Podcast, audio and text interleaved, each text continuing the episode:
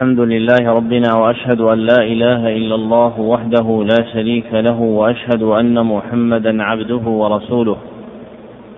اما بعد فهذا هو الدرس الاول من برنامج الدرس الواحد السابع والكتاب المقروء فيه هو رساله في تفسير قول الله تعالى وكذلك جعلناكم امه وسطا وقبل الشروع في إقرائه لابد من ذكر مقدمتين اثنتين المقدمة الأولى التعريف بالمصنف وتنتظم في ثلاثة مقاصد المقصد الأول جر نسبه هو الشيخ العلامة الحافظ المتفنن خليل بن كيكلدي ابن عبد الله العلائي الدمشقي يكنى بأبي سعيد ويعرف بصلاح الدين وبحافظ بيت المقدس المقصد الثاني تاريخ مولده ولد في ربيع الأول سنة أربع وتسعين وستمائة المقصد الثالث تاريخ وفاته توفي رحمه الله في الثالث أو الخامس من محرم الحرام سنة إحدى وستين وسبعمائة وله من العمر سبع وستون سنة رحمه الله رحمة واسعة المقدمة الثانية التعريف بالمصنف وتنتظم في ثلاثة مقاصد أيضا المقصد الأول تحقيق عنوانه وجدت هذه الرسالة في ضمن مجموع من تأليف الحافظ العلائي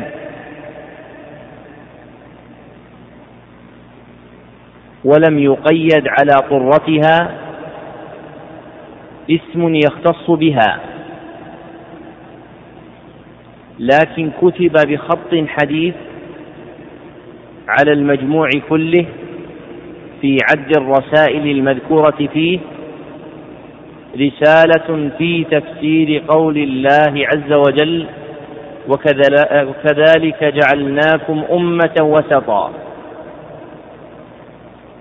وهو اسم مناسب للرسالة المقصد الثاني بيان موضوعه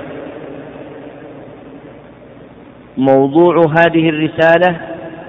هو تفسير آية من كتاب الله هي قول الله تعالى وكذلك جعلناكم أمة وسطا الآية المقصد الثالث توضيح منهجه صدر المصنف رحمه الله تعالى رسالته هذه بنبذة لطيفة في بيان فضل بيت المقدس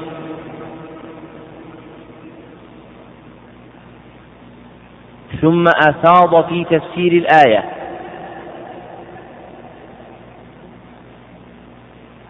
وبناه على سبعة أوجه تصلح أن تكون منهجا في تفسير آي الكتاب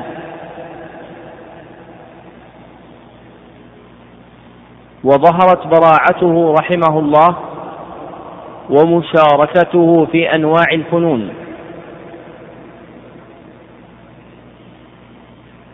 فمزج في هذه الرسالة مع لطافتها بين أنواع عدة منها وله اعتناء بتمييز الأقوال وبيان الراجح من المرجوح مع الانتصار لمذهب إمامه أبي عبد الله الشافعي رحمه الله وربما أورد الأحاديث بإسناده تارة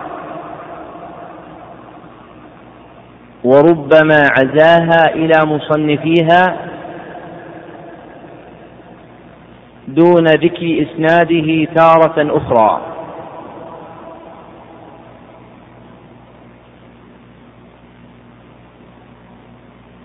نعم بسم الله الرحمن الرحيم الحمد لله رب العالمين وصلى الله وسلم وبارك على نبينا محمد وعلى آله وصحبه أجمعين اللهم اغفر لنا ولشيخنا ولوالدينا وللمسلمين قال المؤلف رحمه الله تعالى بسم الله الرحمن الرحيم ارفع الكتاب يا أخي ارفع الكتاب ارفع الكتاب نعم الحمد لله الذي نصب العلماء أعلاما وجعلهم كنجوم السماء علوا وإنارة وهداية وتعاقبا وانتظاما ووزن مداده ووزن مدادهم بدم الشهداء وكيف لا وهؤلاء يعملون في الجهاد أسنة وسيوفا وهؤلاء في الجدار ألسنة وأقلاما وفضلهم على أبرار أوليائه حتى فضلهم عن أسرار أنبائه ختاما فضلهم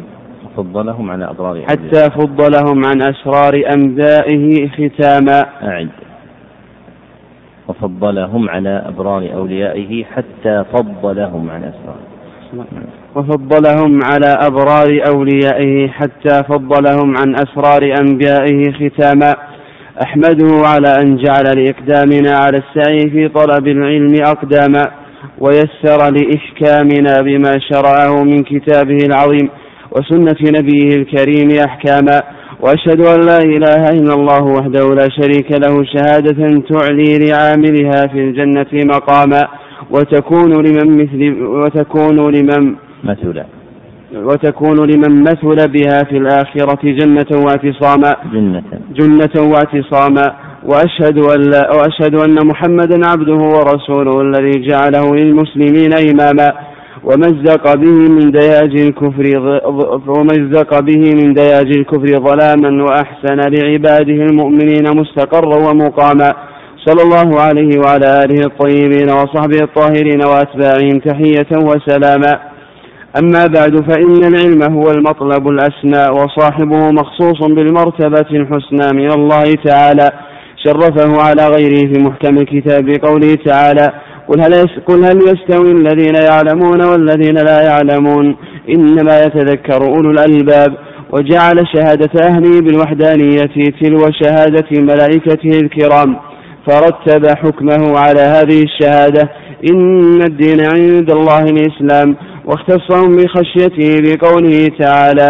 إنما يخشى الله من عباده العلماء ونهيك بها مزية ورتبة وأوجب لهم الخلود في جنات عدن ورضاه بقوله تعالى جزاؤهم عند ربهم جنات عدن تجري من تحتها الأنهار خالدين فيها أبدا رضي الله عنهم ورضوا عنه ذلك لمن خشي ربه وكنت ممن أنفق حاصل عمره في تحصيله وتنوع في تفريعه وتفنن في تأصيله والحمد لله على ذلك حمدا نستدر به إخلاف الذهب ونتنزل به أصناف الرغائب وله الحمد على ما قدر من انتقال إلى هذه الأرض التي بارك فيها وحولها حمدا يشتمل أنواع الشكر فإنها أفضل بقاع الشام ومواطن الأنبياء عليهم الصلاة والسلام ومجالس رايات ومساجد صلوات ومساكن ومواكب عبرات وت... ومواكب عبرات وتضاعف حسنات وترادف خيرات الأنبياء وتواترت من الله الأنباء وتفجرت النبوة ومسجدها الذي اتفقت الأمم على تفضيله وأسرى الله تعالى إليه برسوله وهو ثاني المساجد التي تشد الرحال إليها وثانيها في البناء كما جاءت به الآثار المتفق عليها ففي الصحيحين عن ابي هريره رضي الله عنه ان رسول الله صلى الله عليه وسلم قال لا تشد الرحال الا الى ثلاثه مساجد مسجدي هذا والمسجد الحرام والمسجد الاقصى وعن ابي ذر رضي الله عنه قال قلت يا رسول الله اي مسجد وضع في الارض اول قال المسجد الحرام قلت ثم أي قال ثم المسجد الأقصى قلت كم بينهما قال أربعون سنة وروى أبو داود عن ميمونة رضي الله عنها قالت قلت يا رسول الله أفتنا في بيت المقدس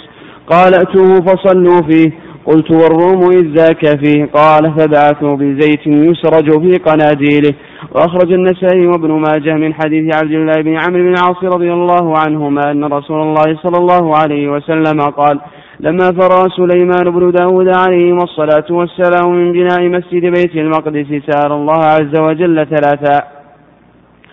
حكما يصادف حكمه وملكا لا ينبغي لأحد من بعده وألا يأتي هذا المسجد أحد لا يريد إلا الصلاة فيه إلا خرج من ذنوبه كيوم ولدته أمه قال رسول الله صلى الله عليه وسلم فأما, فأما اثنتان فقد أعطيهما وأرجو أن يكون قد أعطي الثالثة وصححه الحاكم في المستدرك ويكفي شاهدا على المزية في سكن هذه الأرض لمن حمد وشكر سؤال, سؤال, سؤال موسى عليه السلام الله تعالى عند موته أن يدنيه من الأرض المقدسة رمية, رمية بحجر ولما قدر الله تعالى سكن هذه البقاع الشريفة ومباشرة هذه المدرسة التي هي بكل خير منيفة تغمد الله وقفها بالرحمة والرضوان وجزاه على جهاده واجتهاده غرف الجنان بنيت في التدريس على ما بنيت في التدريس على ما كنت وصلت بدمشق إليه وفوضت أمري إلى الله وجعلت توكلي عليه فهو المرغوب فيما عنده ولديه هذه النبذة تفيد أن هذه الرسالة هي مما أملاه المصنف رحمه الله تعالى في المدرسة الصلاحية ببيت المقدس فكأنه من دروسه التي أملاها حينئذ في تفسير كتاب الله سبحانه وتعالى لما تحول إلى بيت المقدس وقد ابتدأها كما سلف ذكره بذكر نبذة لطيفة من فضل بيت المقدس رعاية لمناسبة المقام وذكر في ذلك أحاديث عن النبي صلى الله عليه وسلم تفيد تفضيل بيت المقدس وتعظيم مسجده وبيان شرفه وأنه مخصوص بالصلاة فيه كما خص بذلك أيضا المسجد الحرام ومسجد النبي صلى الله عليه وسلم والعمل الفاضل فيه هو الصلاة فيه أما ما عدا ذلك فإنه لم يثبت فيه حديث والحديث المروي في بعث الزيت مما يفعل على وجه القربة الذي ذكره المصنف من حديث ميمونة وهي بنت سعد مولاة رسول الله صلى الله عليه وسلم حديث ضعيف ولم يأتي في الأحاديث الصحاح ذكر عمل فاضل يتقرب به إلى الله سبحانه وتعالى في المسجد الأقصى إلا الصلاة لله عز وجل فيه وقوله في حديث عبد الله بن عمر وألا يأتي هذا المسجد أحد لا يريد إلا الصلاة فيه إلا خرج من ذنوبه كيوم ولدته أمه يجوز في قوله كيوم الجر على الإعراب ويجوز البناء على الفتح فيجوز أن تقول كيوم ولدته أمه ويجوز أن تقول كيوم ولدته أمه ثم ذكر المصنف آخرا من مزية سكنى بيت المقدس ما جاء من سؤال موسى عليه الصلاة والسلام الثابت في الصحيحين أن يدنيه الله سبحانه وتعالى من الأرض المقدسة رمية بحجر لما حضرته الوفاة فسأل موسى ربه عز وجل أن يقربه من الأرض المباركة أرض بيت المقدس بقدر رمية بحجر فيكون على بعد منها بهذا القدر ذلك أن بني إسرائيل حين مات موسى عليه الصلاة والسلام كانوا في تيه الصحراء فسأل موسى ربه أن يقربه من بيت المقدس لأن ما قرب من الشيء له حكمه كما استظهره الحافظ ابن حجر في فتح الباري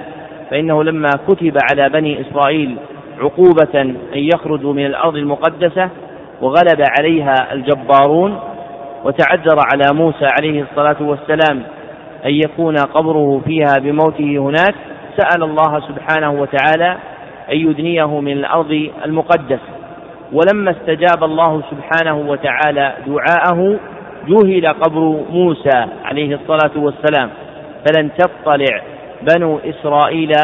على قبر موسى عليه الصلاة والسلام بعد والسر في ذلك كما ذكر ابن بطال في شرح البخاري هو حسم مادة الغلو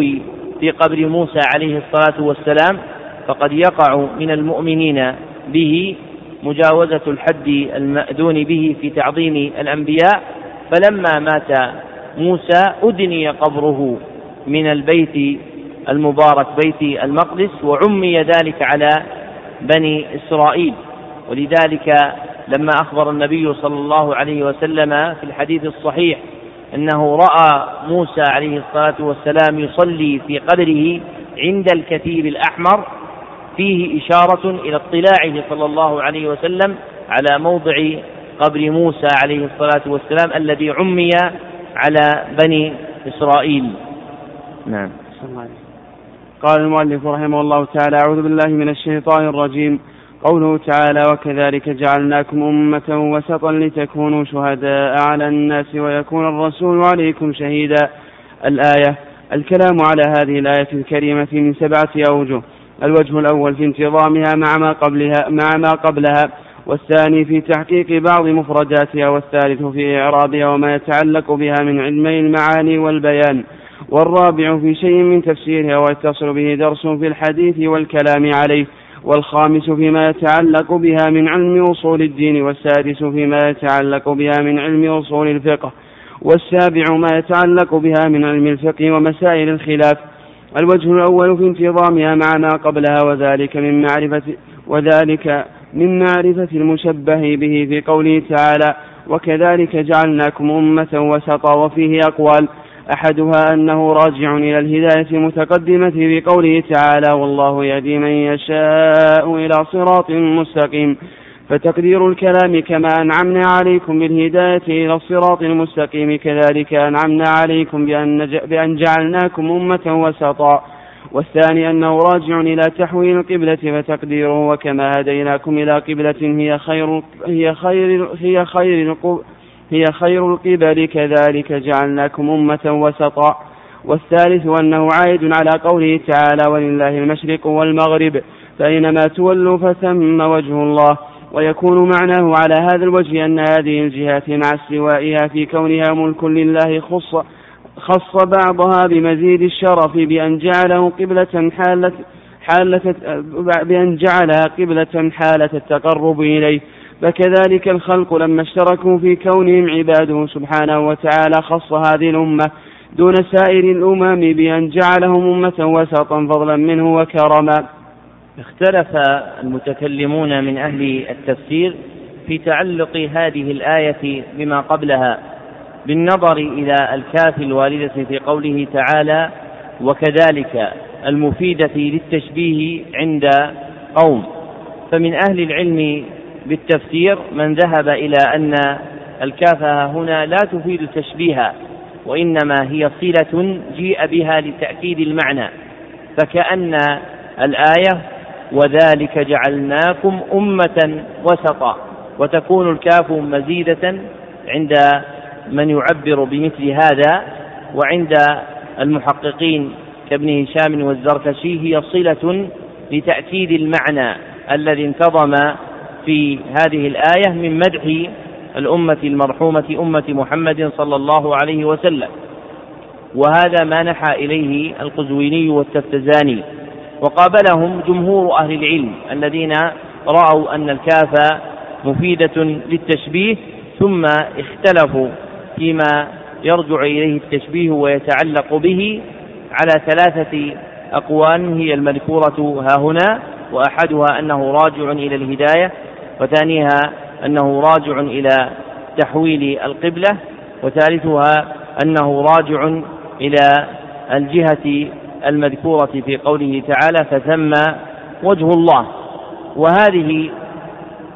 الأقوال الثلاثة كل واحد له مأخذ معتد به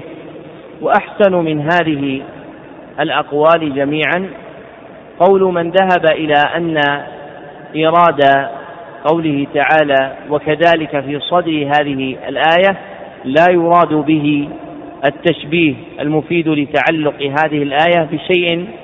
قبلها وانما ابتدي بمثل هذه الكلمه للتنويه برفعه شان ما ذكر فيها وهذه طريقه جماعه من شعراء العرب يبتدئون شعرهم بمثل هذه الكلمة لا يريدون انتظام كلامهم بشيء سابق لأنهم يفتتحون الكلام بذلك كما قال زهير كذلك خيمهم ولكل قوم إذا مستهم الضراء خيم ولم يتقدمها شيء فأراد بذلك تنويه المذكور فيه وبيان رفعته وعلو شانه عما بعده من المعاني وهذا هو الذي اختاره من محقق أهل العلم الطاهر بن عاشور رحمه الله تعالى في كتاب التحرير والتنوير وهو أحسن الأقوال فلا يراد بالكافها هنا إرادة انتظام هذه الآية في المعنى بتشبيه بشيء سبقها وإنما هذا تبع لسنة من سنن العرب في كلامهم أنهم يبتدئون ما عظم وما شرف من كلامهم بمثل هذه الكلمة فكأن هذه الآية في قوله تعالى وكذلك جعلناكم أمة وسطا يشار بها إلى تعظيم المذكور في هذه الآية من المعنى وهذا أحسن الأقوال نعم الوجه الثاني في تحقيق بعض مفرداتها جعل لفظ عام في الأفعال كلها وهو أعم من فعل وهو أعم وهو, وهو أعم من فعل وصنع وسائر أخواتها ويستعمل, ويستعمل لازما ومتعديا إلى مفعول واحد وإلى مفعولين فإذا استعمل بمعنى طفق نحو جعل زيد يقول كذا وكذا كان لازما وإذا استعمل بمعنى أوجد تعدى إلى مفعول واحد كقوله تعالى وجعل الظلمات والنور وكذلك إذا كان بمعنى شرع وحكم كقوله تعالى ما جعل الله من بحيرة ولا سائبة ومنه قوله تعالى في هذه الآية وما جعلنا القبلة التي كنت عليها على أحد التأويلات كما سيأتي بيانه وإذا كان بمعنى يصير الشيء على وإذا كان بمعنى يصير الشيء على حال بعد أخرى تعدى إلى مفعولين كقوله الذي جعل لكم الأرض فراشا وقوله وجعل لكم مما خلق ظلالا ومنه قوله تعالى هنا وكذلك جعلناكم أمة وسطا ووسط الشيء ذكر المصنف رحمه الله تعالى ها هنا في تحقيق بعض المفردات الأوجه الثلاثة المنتظمة الأوجه الثلاثة المنتظمة في كلام النحاة من كون جعل يجيء على هذه الأوجه الثلاثة وأولها أن يكون فعلا لازما بمعنى طفق وثانيها أن يكون فعلا متعديا إلى مفعول واحد فيكون بمعنى أوجد وشرع وثالثها أن يكون فعلا متعديا إلى مفعولين إذا كان بمعنى صار فهو من أبواء من أفعال التحويل التي يكون لها التعدية إلى مفعولين تنصبهما وهذا الفعل موجود على هذه المعاني الثلاثة في كتاب الله سبحانه وتعالى نعم ووسط الشيء ما له طرفان قال الأزهري كل كل ما كل ما يب كل ما يبين بعضه من كل ما يبين بعضه من بعض كوسط الصف والقلادة والمسبحة وحلقة الناس فهو بالتسكين وما كان مص وحلقة الناس وحلقة الناس فهو بالتسكين وما كان حلقة لغة ضعيفة وإن كانت رائجة وإنما بالتسكين حلقة نعم وحلقة الناس فهو بالتسكين وما كان مصمة لا يبين بعضه من بعض كالدار والساحة فهو وسط بالفتح قال وقد أجازوا في الساكن الفتح ولم يجيزوا في المفتوح الإسكان والوسط هنا صفة للأمة ولذا استوى فيها فيه الواحد والجمع والمذكر والمؤنث وقد اختلف في معناه هنا في معناه هنا فالصحيح الذي لا يجوز غيره ما ثبت عن أبي سعيد الخدري رضي الله عنه عن النبي صلى الله عليه وسلم في قوله تعالى وكذلك جعلناكم أمة وسطا قال عدلا رواه الترمذي وهكذا وقال حسن صحيح وأخرجه البخاري أطول من هذا وسيأتي وحكى هذا القول الجوهري عن الخليل والاخبش وقطرب وقد قال غيره هم وسط وهم وسط يرضى الأنام بحكمهم إذا نزلت إحدى الليالي العظائم وقيل الوسط الخيار واختاره صاحب الكشاف قال لأنه يستعمل في الجمادات فيقال سطة الدنانير أي خيارها فكان أوساط الشيء وهي الخيار لكونها سالمة مما يصل إلى الأطراف من الخلل والإعواز قال الطائي كانت هي الوسط المحمي فاكتنفت به الحوا... بها الحوادث حتى أصبح الطرف وتقول العرب انزل وسط الوادي أي خير موضع منه والمعنى متقارب فيهم ومرد القولين إلى معنى واحد وهو أن العدل هو, هو التوسط بين طرفي الإفراط والتفريط فكان خيارا لكونه كذلك مع أنه لا يعارض مع أنه لا يعارض ما ثبت في الحديث الصحيح عن النبي صلى الله عليه وسلم والشهادة ما صدر عن علم وتحقق إما بالشعور وإما بالبصيرة كقوله تعالى شهد الله أنه لا إله إلا هو والملائكة وأولو العلم الآية والقبلة في الأصل ثم صار اسما للمكان المقابل للأوجه وقوله تعالى لا يغادر صغيرة ولا كبيرة إلا أحصاها ثم استعمل الكبيرة فيما كما في قوله تعالى كبر على المشركين ما تدعوهم إليه والفرق بين الرأفة والرحمة مع أن كلا منهما متضمن معنى الإحسان أن الرأفة هي مبالغة في الإحسان الخاص وهو دفع المكروه وإزالة الأذى كقوله تعالى ولا تأخذكم بهما رأفة في دين الله أي لا ترأفوا بهما فتسقط الحد عنهما والرحمة أعم من ذلك وهي اسم جامع يدخل فيه سائر وجوه الإحسان والإفضال فيكون ذلك من باب ذكر العام بعد الخاص وقرأ أبو عمرو وحمزة والكسائي وعاصم في رواية أبي بكر عنه درؤف مهموز لرأف مهموز غير مشبع, مشبع على وزن رعف لا لرأف مهموز غير مشبع على وزن رعف لرأف رؤوف ورؤوف نعم لرؤوف مهموز غير مشبع على وزن رعف وقرأ الباقون لرؤوف بالإشباع والمد واحتجوا بأن فعولا أكثر بأن فعولا أكثر مجيئا في الصفات ولم يجئ فعول إلا في القليل نحو وحذ وحذر وعجل ويقظ وليس وليس ذلك كمجيء غفور وشكور وصبور فإنه أكثر فكان أولى وقال الشاعر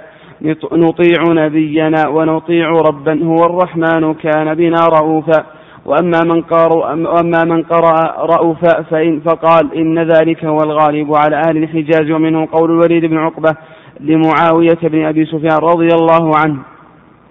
وشر الطالبين فلا تكنه فلا تكنه وشر الطالبين فلا تكنه يقاتل عمه الرؤوف الرؤوف الرحيم قاتل عمه الرؤوف الرحيم يقاتل عمه الرؤوف الرحيم ذكر المصنف رحمه الله تعالى في هذه الجملة بقية مما يتعلق بتحقيق مفرداتها فذكر أولا أن وسط الشيء بسكون السين ما له طرفان ثم نقل عن الأزهري رحمه الله تعالى التفريق بين ما يتبين بعضه من بعض كوسط الصف والقلاده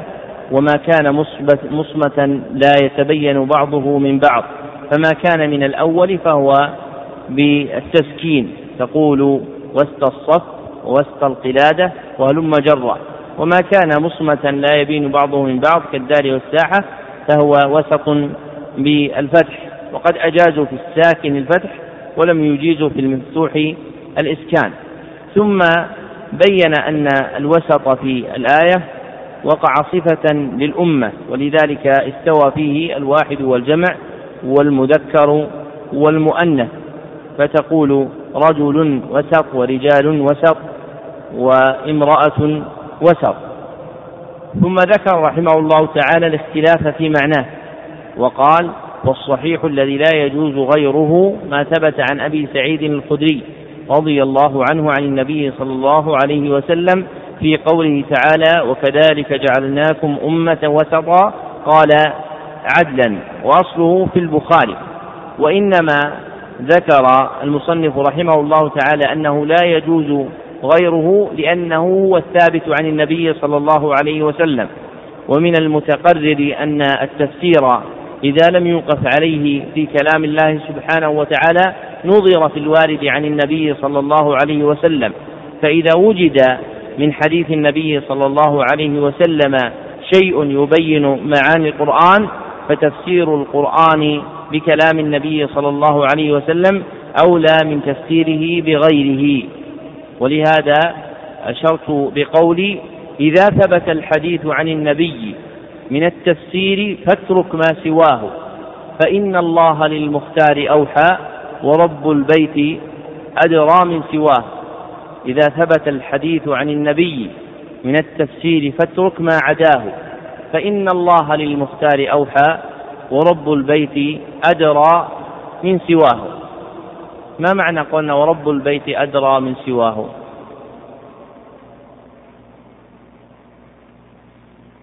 سم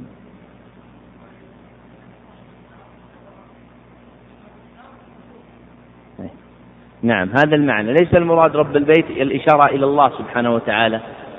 لأن الله عز وجل يمتنع وصفه بالدراية وإنما يوصف بالعلم لكن المشار الإشارة المراد الإشارة إلى هذا المثل رب البيت أدرى بما فيه ولذلك قلنا فإن الله للمختار أوحى ورب البيت أدرى من سواه ثم ذكر رحمه الله تعالى قولا آخر في الوسط أنه الخيار كما اختاره صاحب الكشاف وإنما مال إليه صاحب الكشاف لأنه يستعمل في الجمادات كما يستعمل في غيرها فيكون أعم بهذا الاعتبار والتحقيق أن المعنى بينهما متقارب ومرد القولين إلى شيء واحد والمختار هو ما فسر به النبي صلى الله عليه وسلم أن الوسط هو العدل ولا يكون الشيء عدلا حتى يكون خيارا وصفة العدل هو التوسط بين طرفي الإفراط والتفريط كما سيأتي بيانه مطولا في كلام المصنف ثم بين المصنف رحمه الله تعالى معنى الشهادة فذكر أن الشهادة هي ما صدر عن علم وتحقق أي حضور ومشاهدة كما عبر بهذا جماعة من أهل العلم كشيخ الإسلام ابن تيمية وتلميذه ابن القيم في مفتاح دار السعادة فالمراد بالعلم والتحقق الحضور والمشاهدة ويكون ذلك إما بالشعور والبصر وإما بالبصيرة فهما طريقان لحصول العلم المتحقق فإما أن يحصل العلم المتحقق بشعور وبصر بالعين الباصرة وإما أن يحصل ببصيرة نافذة من العبد ثم ذكر تفسير القبلة وقال والقبلة في الأصل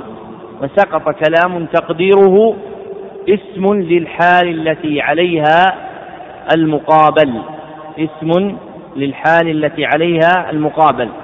ثم صار اسما للمكان المقابل للأوجه في الصلاة وبهذا التتميم يتضح المعنى فتكون العبارة والقبلة في الأصل اسم للحال التي عليها المقابل كما يقال جلسة وقعدة يقال قبلة فهي اسم للهيئة ثم صار اسما للمكان المقابل لأوجه في الصلاة ثم بين تفسير قوله تعالى كبيرة وسقط كلام وتقدير الكلام أن الكبير ما يقابل الصغير ثم استعمل اسم الكبيرة فيما يشق ويصعب فيكون قد سقط بعد قوله ثم استعمل الكبيرة فيما يشق ويصعب كما في قوله تعالى كبر على المشركين ما تدعوهم إليه يعني صعب وشق عليهم وكما قال تعالى وإن كان كبر عليك إعراضهم أي شق وصعب عليك ثم ذكر رحمه الله تعالى الفرق بين الرأفة والرحمة وحاصله كما ذكره جماعة من المحققين كابن جرير الطبري في تفسيره وأبي عبيدة معمر بن المثنى في مجاز القرآن في آخرين أن الرأفة أعلى معاني الرحمة فتكون الرحمة اسما عاما والرأفة وصفا مخصوصا لجملة من هذا المعنى والموجب للتخصيص أن الرأفة تشتمل على دفع المكروه وإزالة الأذى فلا يكون مع الرأفة أذى أبدا أما الرحمة فقد تكون الرحمة حاصلة بعد تنغيص وأما الرأفة فإنه لا يسبقها تنغيص ولا إيلام ولا تعديل ونص على هذا المعنى أيضا القرطبي في الأسنى في تفسير أسماء الله الحسنى ثم ذكر رحمه الله تعالى القراءتين المشهورتين في رؤوف وذلك إحداهما بهمز دون إشباع لرؤوف رحيم والثانية بالإشباع والمد لرؤوف رحيم ووجه كل قراءة بما هو معروف في كلام العرب من مجيء هذا وهذا نعم أحسن الله عليه الوجه الثالث في إعراب هذه الآية الكريمة وما يتصل بها من علمي المعاني والبيان الكاف في قوله تعالى وكذلك جعلناكم في محل النصب نعت لمصدر محذوف تقديره أنعمنا عليكم بأن جعلناكم أمة وسطا إنعاما كما أنعمنا عليكم بالهداية والتي كنت عليها محله النصب لكن اختلف في تقدير ناصبه بحسب الاختلاف في جعل معناها وما أريد بالقبلة فقيل إن جعل هنا يعني شرع فيكون معنى الكلام وما شرعنا القبلة التي كنت عليها يعني بيت المقدس إلا ابتلاء وامتحانا لأن الله تعالى علم أنه يرجعهم بعد ذلك إلى الكعبة وقال بعضهم إن الله تعالى تعبد نبيه صلى الله عليه وسلم أولا بالصلاة إلى بيت المقدس لأن العرب كانت تحب الكعبة ويشق عليهم استقبال غيرها فكانت الصلاة إليها أولا امتحانا ليظهر به إيمان المؤمن عند صبره على التوجه إلى غير الكعبة ونفاق المنافق عند مخالفته وعلى هذا القول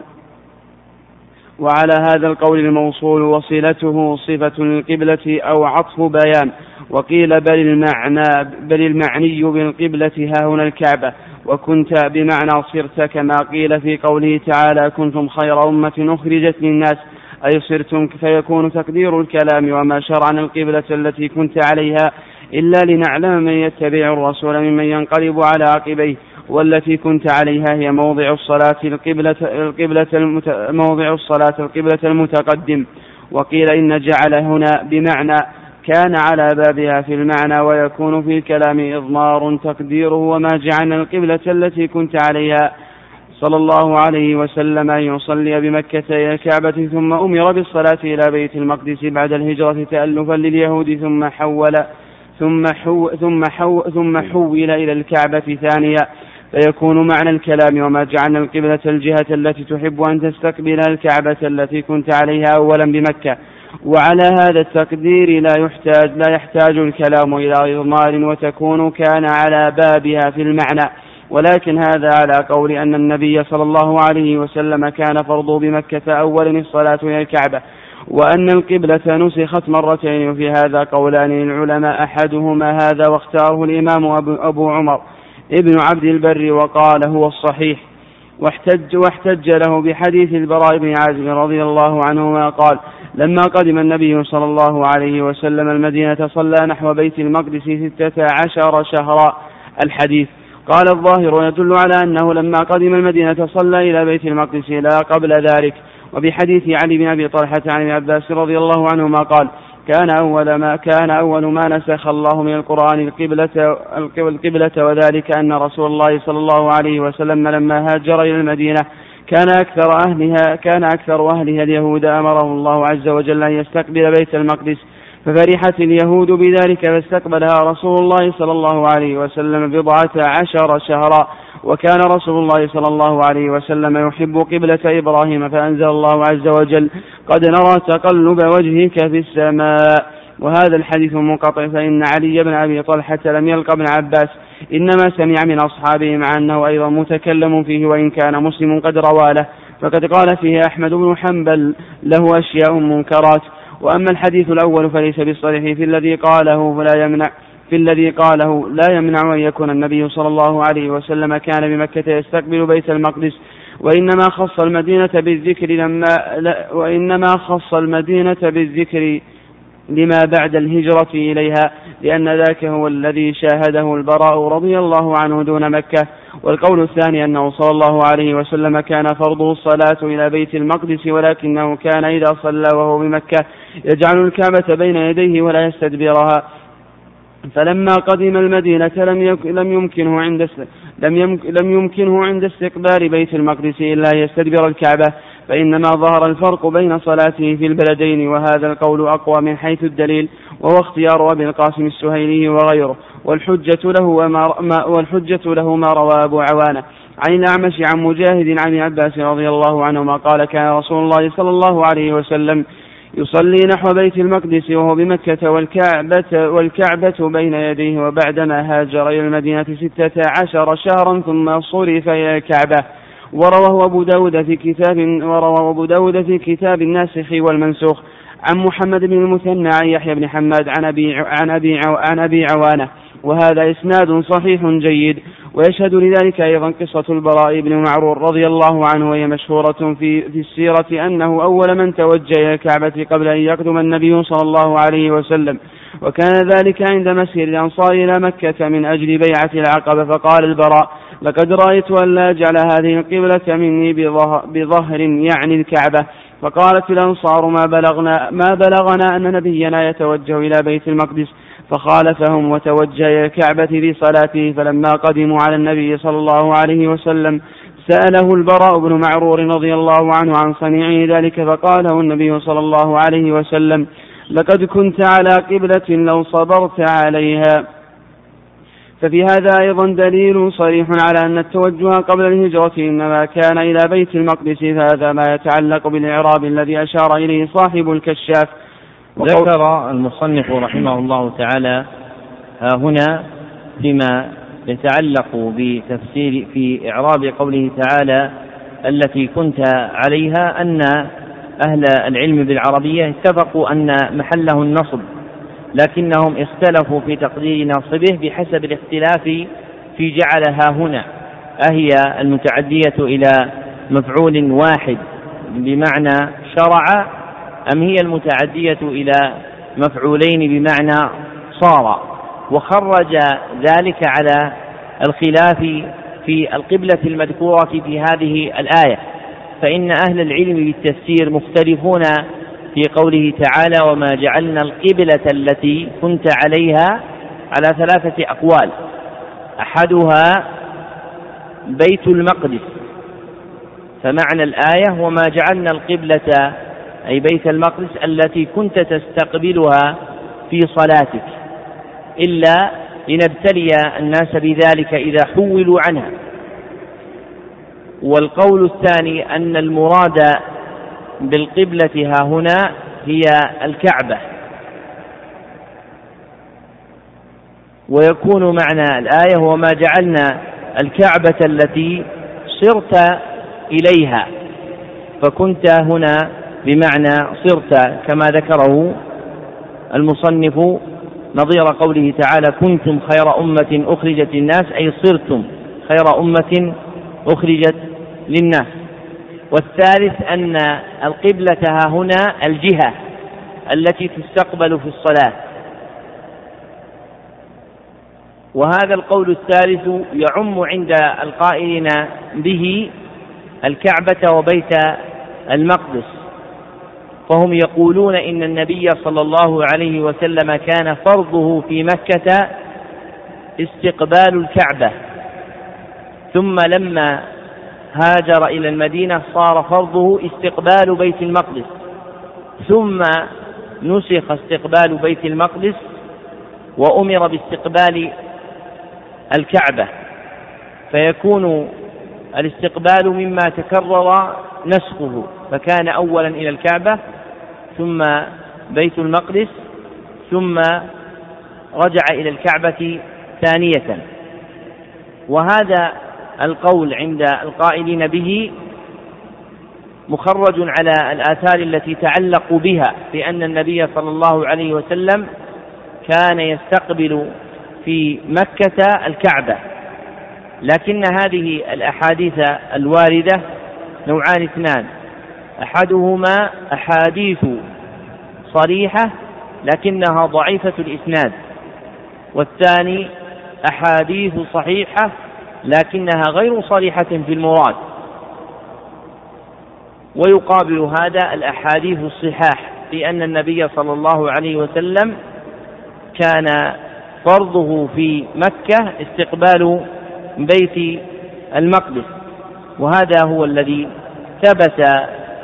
في حديث ابن عباس الذي ختم به المصنف كلامه وهو ما رواه أبو عوانة عن الأعمش عن مجاهد عن ابن عباس قال كان رسول الله صلى الله عليه وسلم يصلي نحو بيت المقدس وهو بمكة وهذا إسناد صحيح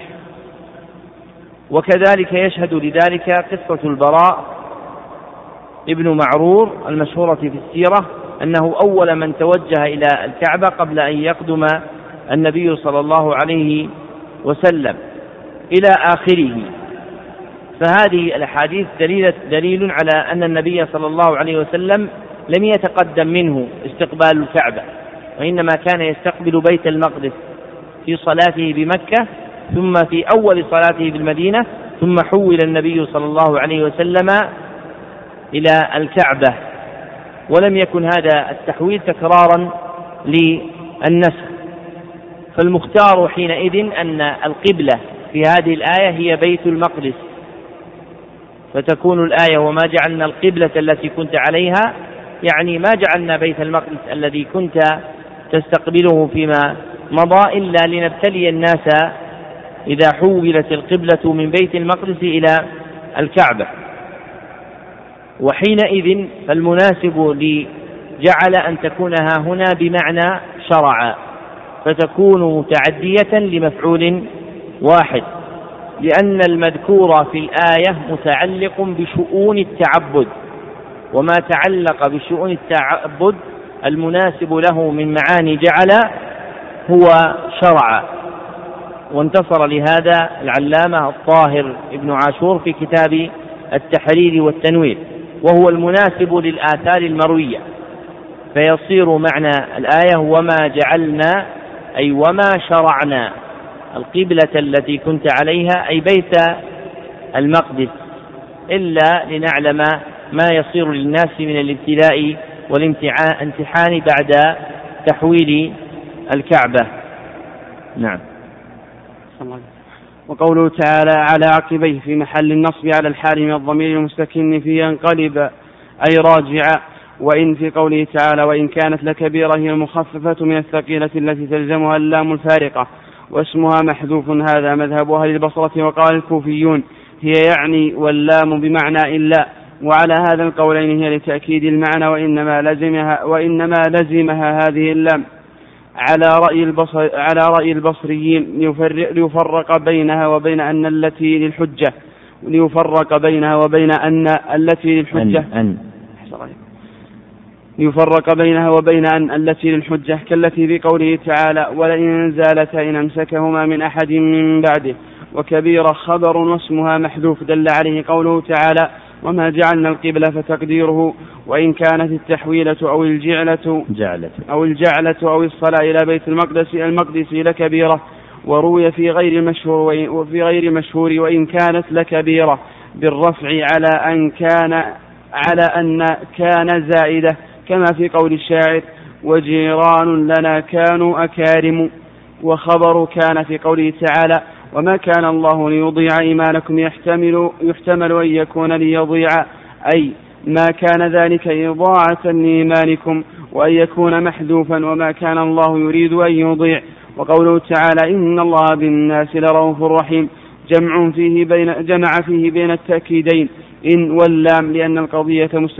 مستبعدة عند المخاطبين حيث قالوا كيف بمن مات منا وهو يصلي إلى بيت المقدس فبين الله سبحانه وتعالى أنه غير مضيع غير مضيع غير مضيع عمل عامل منهم لرأفته ورحمته بعباده سبحانه وتعالى وإن كان الخطاب للمنافقين أو اليهود الذين عابوا على المسلمين توجههم إلى الكعبة وقالوا للمسلمين إن عملكم كان باطلا فالحاجة إلى التأكيد أقوى فلهذا جمع بين تأكيدين وتأكيد القضية يكون بحسب استبعادها عند المخاطب فإن قصد المخبر بخبره إفادة المخاطب إما فإن قصد فإن قصد المخبر بخبره إفادة المخاطب إما إما نفس الحكم وإما وإما لازمه فمتى كان المخاطب خالي الذهن خالي الذهن خالي الذهن من الحكم بأحد طرفي الخبر على على الآخر على الآخر ومن التردد فيها والشك أو الإنكار استغني حينئذ عن مؤكدات الحكم فإن كان متصورا لطرفي الحكم مترددا, مترددا في إسناد أحدهما إلى الآخر حسن تقويته حينئذ حينئذ بالمؤكد فإن جاء بخلافه قوي التأكيد بحسب إنكاره وجمع حينئذ بين إن واللام والشاهد هذه القاعدة حينئذ بين إن واللام وجمع حينئذ بين إن وجمع بين وجمع حينئذ بين إن واللام وشاهد هذه القاعدة في كلام عربي كثير لا ينحصر ومنه في القرآن العظيم مواضع مشهورة منها قول الرسل عليهم السلام في قصة ياسين إنا إليكم مرسلون فردوا عليهم بقول ما أنتم إلا بشر مثلنا وما أنزل الرحمن من شيء إن أنتم إلا تكذبون فأجابوهم ثانيا بقولهم ربنا يعلم إنا إليكم مرسلون لا ربنا يعلم إنا إليكم لمرسلون أحسن الله عليك فأجابوهم ثانيا بقولهم ربنا يعلم إنا إليكم لمرسلون وقد أورد أورد. وقد أورد على هذه القاعدة قوله تعالى ثم إنكم بعد ذلك لميتون ثم إنكم يوم القيامة تبعثون فأكد الموت الذي لا ينكر أحد وقوعه بإن واللام ولم يؤكد البعث إلا بإن فقط مع أنه ينكره كثيرون وخصوصا في زمن النبوة وأجيب بأن الخطاب في هذه الآية الظاهر الظاهر للمعترفين بالبعث حال غفلتهم عن الموت وتشاغلهم عنه بأمور الدنيا فكأنهم لغفلتهم عنه بمنزلة من لا من لا يعرف به فأكدت القضية بإن واللام وهذا يسمى إخراج الكلام على خلاف مقتضى الظاهر ثم لما ذكر ثم لما ذكروا بالموت ذكروا البعث وكانوا معترفين به فلم يحتج إلى تأكيده باللام فهذه ثلاثة من علم المعاني والبيان تتعلق بهذه الآية وسيأتي إن شاء الله تعالى في الوجه الذي بعده في الوجه الذي بعد هذا ثلاثة منه أخرى قوله رحمه الله تعالى فيما سلف في قوله تعالى وإن قال هي المخففة من الثقيلة يعني إن خففت منها على إما على حذف اسمها كما هو مذهب البصريين وإما هي على معنى الاستثناء وما كانت إلا كبيرة إلا على خاشعين والمراد بها كيفما كانت وإن كان القول الأول أقوى وأن أصلها إن ولكنها خففت المراد بها تأكيد المعنى ثم استطرد المصنف بعد ذلك في بيان الجمع بين المؤكدين في قوله تعالى إن الله بالناس لرؤوف رحيم فإن هذه الجملة أكدت بمؤكدين اثنين أحدهما إن والثاني اللام هذا نظير قول الله سبحانه وتعالى إن الإنسان لفي خسر فإنها أيضا أكدت بإن واللام وبين رحمه الله تعالى أن هذا التأكيد وقع لكون الخطاب موجها للمنافقين واليهود العائبين للمسلمين توجههم إلى الكعبة فأكد هذا المعنى دفعا لتلك الدعوة التي ادعاها أولئك ثم نبه رحمه الله تعالى أن التأكيد إنما يحتاج إليه إذا كان عند المخاطب شك أو تردد أو إنكار فإذا وجد الشك أو التردد أو إنكار حسن تأكيد الكلام وإذا لم يوجد ذلك لم يستحسن تأكيده لأن المسلم به لا يحتاج إلى تأكيد معناه وذكر شاهد هذا في قصة الرسل المرسلين إلى القرية التي ذكرها الله تعالى في سورة ياسين فإن هؤلاء الرسل ابتدأوا دعوتهم بدون تأكيد بل بالخبر فقالوا إنا إليكم مرسلون فلما أنكر عليهم أهل القرية أكد أولئك صدق دعواهم بقولهم إنا إليكم لمرسلون فجاءوا باللام المؤكدة للدعوة التي ذكروها لوجود الإنكار عند مقابلهم فإذا وجد الإنكار أو الشك أو التردد حسن تأكيد الكلام ثم نبه المصنف رحمه الله تعالى إلى ما أورده بعض علماء المعاني على هذه القاعدة بقوله تعالى ثم إنكم بعد ذلك لميتون ثم إنكم يوم القيامة تبعثون وذلك أن الموت ها هنا أكد بإن واللام ولا ينكره أحد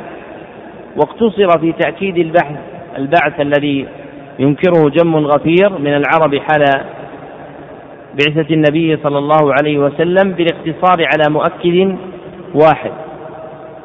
والجواب عن هذا أن إنكار الموت نوعان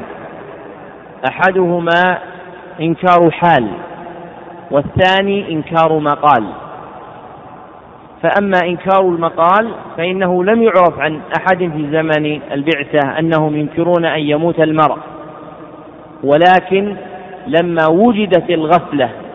التي هي انكار حال حسن التاكيد حينئذ فلان الناس يقع منهم الغفله عن ذكر الموت فتصير حالهم بمنزله من ينكر وجوده بالكليه جيء بتاكيد هذا المعنى فالانكار هنا في هذه الايه ليس انكار مقال وانما انكار حال وذلك بما عليه الناس من الغفله عن الموت والتهافت عليه على الدنيا وجمعها فحينئذ نزلت حالهم منزلة من أنكر بقاله فأكد ذكر الموت ها هنا بإن واللام نعم الوجه الرابع فيما يتعلق بمعاني بعض هذه الآيات قوله تعالى وكذلك جعلناكم أمة وسطا وقد تقدم أن الوسط يفسر على قولين أحدهما العدل والثاني الخيار والأظهر أنه العدل لأنه السواء الذي لا يميل إلى طرفي الإفراط والتفريط وهو أيضا خيار بهذا الاعتبار فامتن الله تعالى على هذه الأمة بعد الهداية بأن جعلها أمة وسطا ومن استقرأ أحوال ومن استقرأ ومن استقرأ أحوال ومن استقرأ الأحوال الدينية ومن استقرأ الأحوال الدينية وجدها كذلك تتوسط بين طرفي الإفراط والتفريط وبيانه أن الأحوال التي كلف بها العبد إما اعتقادات أو أعمال وهي في كلها كذلك أما الاعتقادات فنبين ذلك بأمثلة أحدها التوحيد فإن من الناس من عطل الإلهية تعطيلا محضا فرط ومنهم من أثبت أكثر من الإله الواحد فأفرط والعدل التوسط هو إثبات الإله وتوحيده وثانيها لأن من الناس من بالغ في إثبات الإله الواحد حتى جعله جسما أو جوهرا أو مركبا أو مختصا بجهة أو محلا للحوادث فشبهه بما ثانيها التنزيه ساقطة الكلمة هذه كأنها التنزيه نعم أحسن الله وثاني وثانيها التنزيه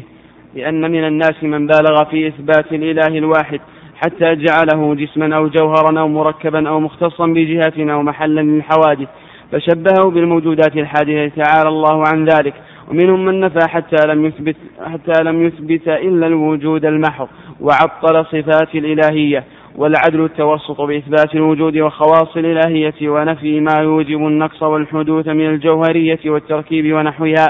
وثالثها مذهبهم في الصفات الزائدة على الذات فإن أهل السنة توسطوا بين طرفي التفريط بنفيها وتعطيلها والإفراط بإثباتها متغيرة متنقلة حادثة ورابعها قول أهل السنة أيضا في مسألة خلق الأعمال فإنهم توسطوا بين الجبر المحض والقدر المحض فلم يسلبوا اختيار العبد وقدرته ولم يجعلوه خالقا لأفعاله مضاهيا لله سبحانه في مقدوره وخامسها قول في النبوات فإنهم أثبتوها من عند الله عز وجل باختصاصه من يشاء من البشر واصطفائه إياه فتوسطوا بين قول من يعطلها ويحيلها وقول من يثبتها بالاكتساب واعتدال المزاج وسادسها اعتقادهم في الرسل عليهم الصلاة والسلام فإنه منزلهم المنزلة التي جعلها الله لهم ولم يغلوا فيهم غلو النصارى في عيسى عليه الصلاة والسلام ولا قصروا في حقهم تقصير اليهود حتى وصلوا إلى القتل وغيره وسابعها قولهم في المعاد فإن من الناس من يعطل بالكلية ومنهم من يثبت بالأحوال النجومية والدورات الفلكية وهم قد أثبتوا على الوجه الأتم الأكمل الذي جاءت به الشرائع واقتضته الحكمة الإلهية وثامنها قولهم في السمعيات وأحوال القيامة فقالوا بإثبات الثواب والعقاب على وجه ليس فيه إفراط ولا تفريط فإن المرجئة تزعم, تزعم أنه لا يعاقب العبد المؤمن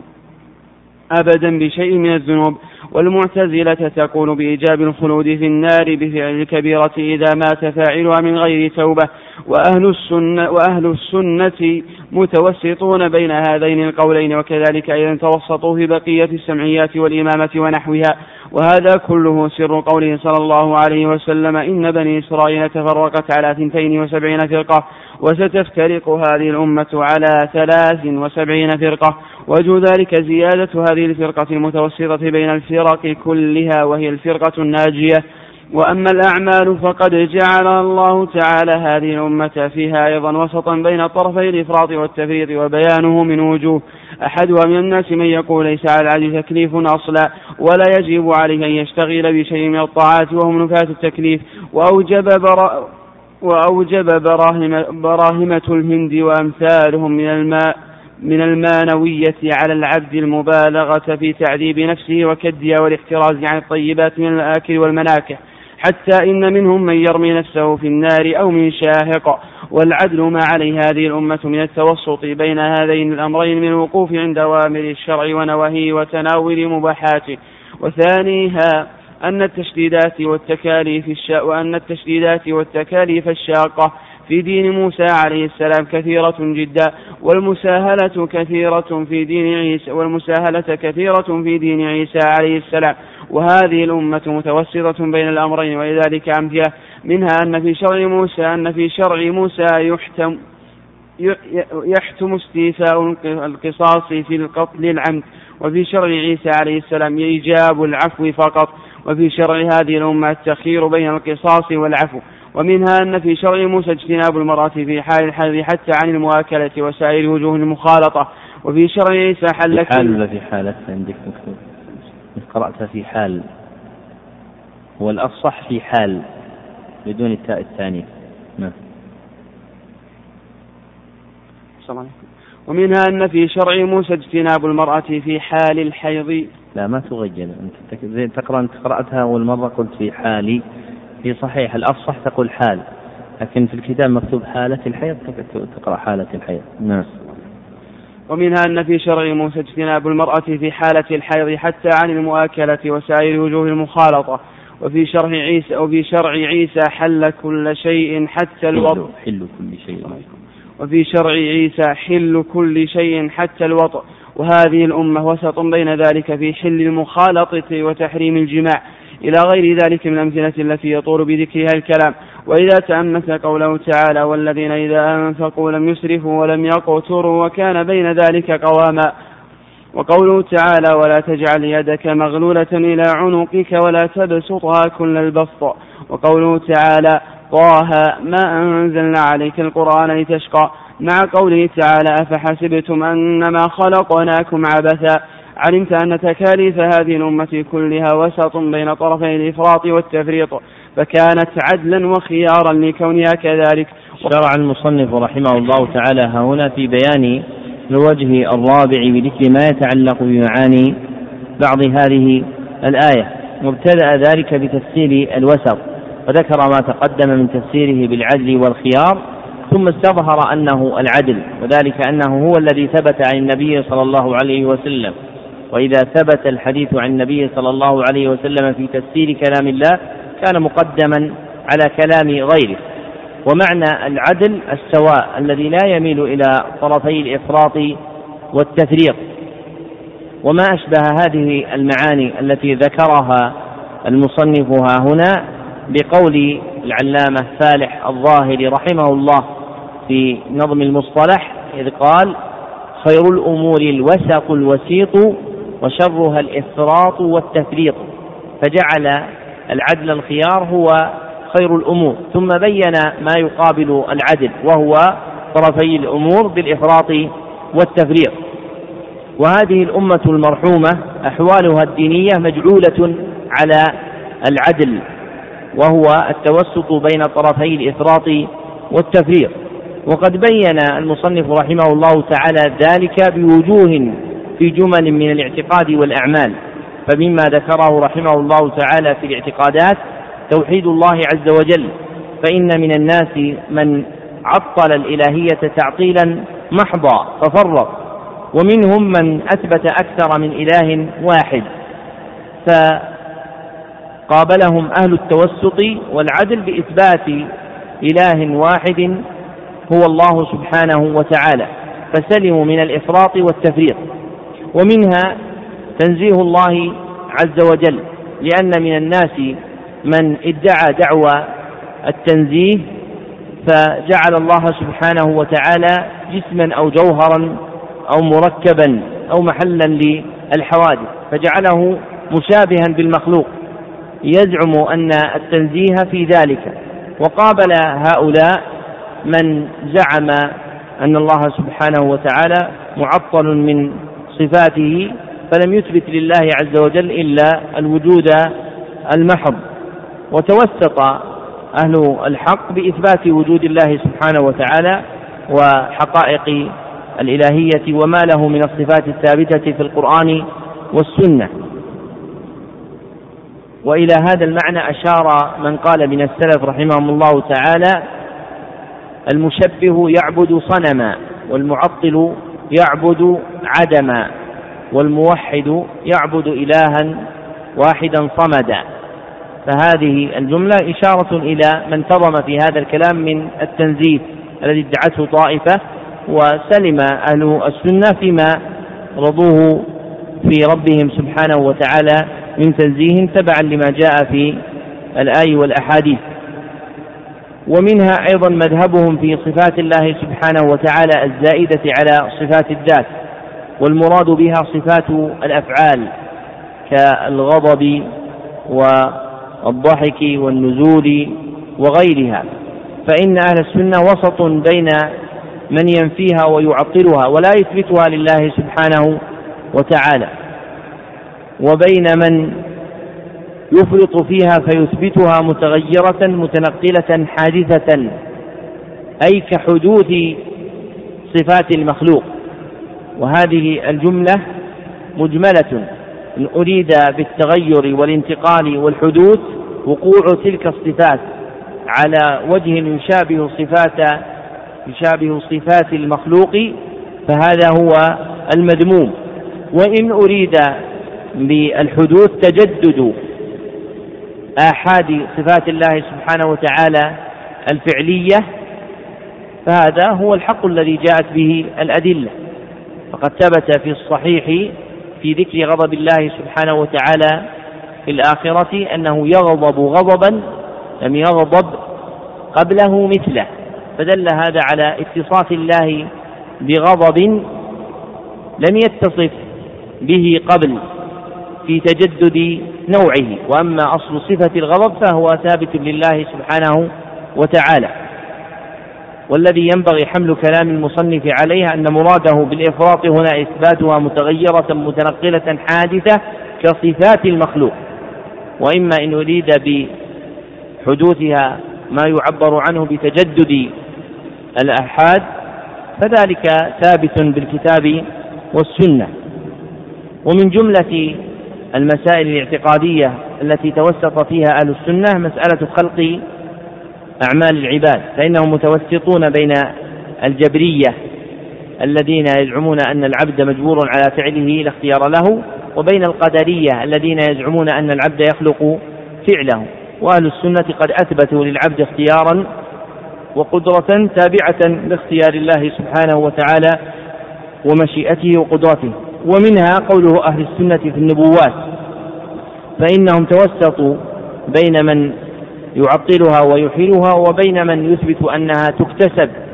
بالأخلاق الفاضلة والأعمال الكاملة فأثبتوا أنها اختصاص من الله سبحانه وتعالى يختص به من يشاء من خلقه بتكميل صفات ذلك المخصوص ومنها الاعتقاد في الرسل فإن أهل السنة لم يغلوا بهم غلو النصارى في عيسى ولا قصروا في حقهم تقصير اليهود الذين قتلوا انبياءهم ومنها قولهم في المعاد وهو البعث فان من الناس من ينكر البعث بالكليه ومنهم من يثبته بالاحوال النجوميه والدورات الفلكيه اي باحكام الطبائع واما اهل السنه فهم قد اثبتوه على الوجه الاتم باحكام الشرائع فمأخذ أهل السنة في إثباته هو الشريعة ومأخذ مثبتته من الفلاسفة هو الطبيعة ومنها القول في السمعيات وأحوال القيامة فإن أهل السنة يرجون للمحسن الثواب ويخافون على المسيء العقاب متوسطين في ذلك بين المرجئة الزاعمين أن الله سبحانه وتعالى لا يعاقب العبد بشيء من ذنوبه وبين المعتزلة والخوارج الذين يوجبون الخلود في النار بفعل الكبيرة وكذلك توسطهم في سائر الأبواب وهذه الجملة مستكنة في قول شيخ الإسلام ابن تيمية رحمه الله تعالى في الواسطية وهم وسط في جميع ذلك بين فرق الأمة إلى آخر ما قرره فيها وبينه شراح الواسطية وهذه مسألة عظيمة أي بيان توسط أهل الحق بين الإفراط والتفريط في أبواب العقائد ثم أشار المصنف رحمه الله تعالى إلى نكتة شريفة في قول النبي صلى الله عليه وسلم وستفترق هذه الأمة على ثلاث وسبعين فرقة والنكتة في أن النبي صلى الله عليه وسلم أخبر عن افتراق هذه الأمة بعدد آحاد ولم يخبر عن ذلك بعدد زوج بحيث يكون عدد الآحاد الزائد وهو الثالث والسبعون وسطا بين طائفتين متقابلتين فالفرق الأخرى الاثنتان والسبعون كل فرقة أفرطت تقابلها فرقة فرطت فإذا اضطرد هذا الأمر في التقابل بين أهل الإفراط والتفريط صار العدد اثنان وسبعون اثنتان وسبعون فرقة ويكون العدد الزائد وهو الثالث والسبعون فرقة سالمة من الإفراط والتفريط وهذا معنى لطيف أشار إليه المصنف بقوله ووجه ذلك زيادة هذه الفرقة المتوسطة بين الفرق كلها وهي الفرقة الناجية فتكون الفرق الاثنتان والسبعون هي فرق متصفة إما بالإفراط أو التفريط أما الفرقة الزائدة في عدد الآحاد فهي فرقة سالمة من ذلك ثم بين رحمه الله تعالى نظير ذلك في الأعمال بعد العقائد فذكر من ذلك فيما يتعلق بمسألة التكليف وهي الأمر بحكم الشرع فإن من الناس من قال إنه ليس على العباد تكليف ولا يجب عليهم أن يشتغلوا بشيء من الطاعات وهم نفاة التكليف وقابلتهم طائفة أوجبوا على العبد أن يعذب نفسه وأن يحترز من الطيبات من المآكل والمناكح وقابلهم أهل الحق في هذه الأمة فجعلوا العبد مأمورا بطاعة الله سبحانه وتعالى في أمره ونهيه ومأذونا له في تناول ما أباح الله عز وجل له ومنها أن التشديدات والتكاليف الشاقة في دين موسى عليه الصلاة والسلام كثيرة والمساهلة والمسامحة في دين عيسى كثيرة وهذه الأمة وسط بين هذين في مسائل عدة كما ذكر المصنف منها استيفاء القصاص في القتل العمد في دين في شرع موسى وإيجاب العفو في شرع آه، عيسى عليه الصلاة والسلام وشرع هذه الأمة خير بين القصاص والعفو ومنها ما يكون في الحيض من اجتناب المرأة في حال الحيض حتى عن المواكلة والمخالطة عند اليهود وقابل هذا حل كل شيء في شرع عيسى حتى الوطء وهذه الأمة جاء الشرع بحل المخالطة وتحريم الجماع إلى آخر الأمثلة في أبواب الأعمال وها هنا مسألة مهمة في تعبيرين استعملهما المصنف احدهما قوله دين عيسى ودين موسى عليهما الصلاه والسلام والثاني قوله شرع موسى وشرع عيسى عليهما الصلاه والسلام وقد جرينا بالتعبير كما عبر وان كان في ذلك نظر فما هو ما الجواب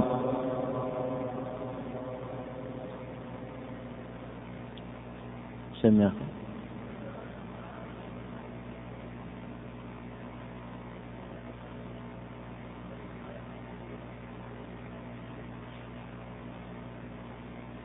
لا موسى عيسى رسول وموسى رسول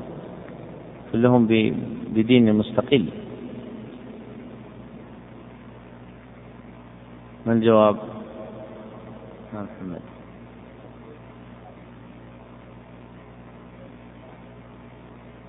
ما الدليل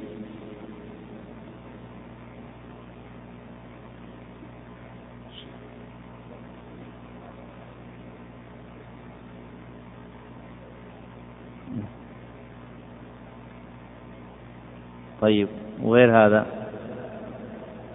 ما شاء الله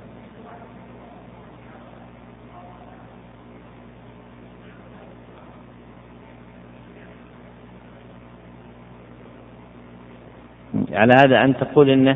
استعمال دين موسى ودين عيسى فيه نظر صواب شرع وأخونا يقول أن العكس نقول أما باعتبار الدين وهو قوله دين موسى ودين عيسى فإن من أهل العلم من منع ذلك وقالوا إن الدين لا يضاف إلا إلى الله سبحانه وتعالى ولا يضاف إلى مخلوق وإنما يضاف إلى المخلوق الملة وهذا هو الذي وقع في القرآن وممن نص على هذا الفيروز أبادي رحمه الله تعالى في كتاب البصائر إلا أن هذا الذي ذكره هؤلاء فيه نظر أحدهما أن ذلك مذكور في القرآن في موضعين أضيف فيها الدين إلى مخلوق هما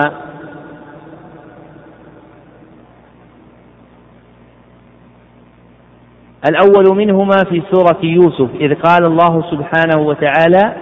في دين الملك فأضافه إلى مخلوق والثاني في قوله تعالى لكم دينكم ولي ديني في قراءة من يثبت ياء الإضافة فيها وقد وقع هذا في حديثين اثنين ليس من كلام النبي صلى الله عليه وسلم بل في قصة زيد بن عمرو بن نفيل الرجل الحنيف في الجاهلية والثاني في قصة سلمان الفارسي وذكرهما في الحديث وإن كان من كلام غير النبي صلى الله عليه وسلم في سياقه إلا أنه يدل على الإقرار فالمختار صحة نسبة الدين إلى غير الله فيصح أن يقال دين موسى ودين عيسى ودين محمد صلى الله عليه وسلم وإن كان الأكمل من الخطاب هو اتباع الشائع بنسبة الدين إلى الله سبحانه وتعالى وأما الكلمة الثانية وهي الشرع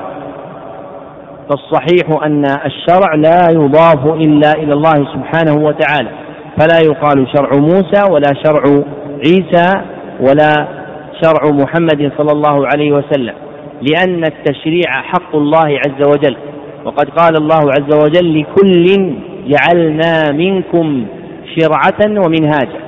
فالجعل للشرعة هو منه سبحانه وتعالى ومنه كذلك قوله تعالى شرع لكم من الدين إلى آخر الآية وصى به نوحا الآيات فالشرع في الكتاب والسنة لم يضف إلى غير الله سبحانه وتعالى وعلى هذا فالتعبير بما يسمى بالمجالس التشريعية غير جائز لأنه مخالف لما قرر في خطاب الشرع أن التشريع حق لله وإنما تسمى هذه المجالس بالمجالس التنظيمية أو المجالس الاستشارية وأما تسميتها بالمجالس التشريعية فإنه مخالف لخطاب الشرع موهم أن التشريع حق يكون لغير الله سبحانه وتعالى نعم واختلف العلماء في قوله تعالى لتكونوا شهداء على الناس على أقوال أحدها أن المراد به شهادة هذه الأمة الأنبياء عليهم الصلاة والسلام بالتبليغ عند جحد أممهم ذلك وإنكارهم أنهم بلغ بلغوهم وحجة ذلك ما روى البخاري في صحيحه عن أبي سعيد الخدري رضي الله عنه قال قال رسول الله صلى الله عليه وسلم يجيء نوح وأمته فيقول الله له هل بلغت فيقول نعم أي رب فيقول أمتي هل بلغكم فيقولون لا ما جاءنا من نبي فيقول لنوح عليه السلام من يشهد لك فيقول محمد وأمته فنشهد أنه قد بلغه أنه قد بلغ وهو قوله تعالى وكذلكم جعلناكم أمة وسطا لتكونوا شهداء على الناس ورواه النسائي بإسناد بإسناد الصحيح وزاد في آخره والوسط العدل فهذا القول أولى ما قيل به في تفسير هذه الآية لصحة الحديث بذلك فإن قيل ما الحكمة في هذه الشهادة من الأمة فإن شهادة الأمة وشهادة الرسول مستند فإن شهادة الأمة وشهادة الرسول مستندة مستند مستندة في الآخرة إلى شهادة الله تعالى على صدق الأنبياء فلما لم يصدق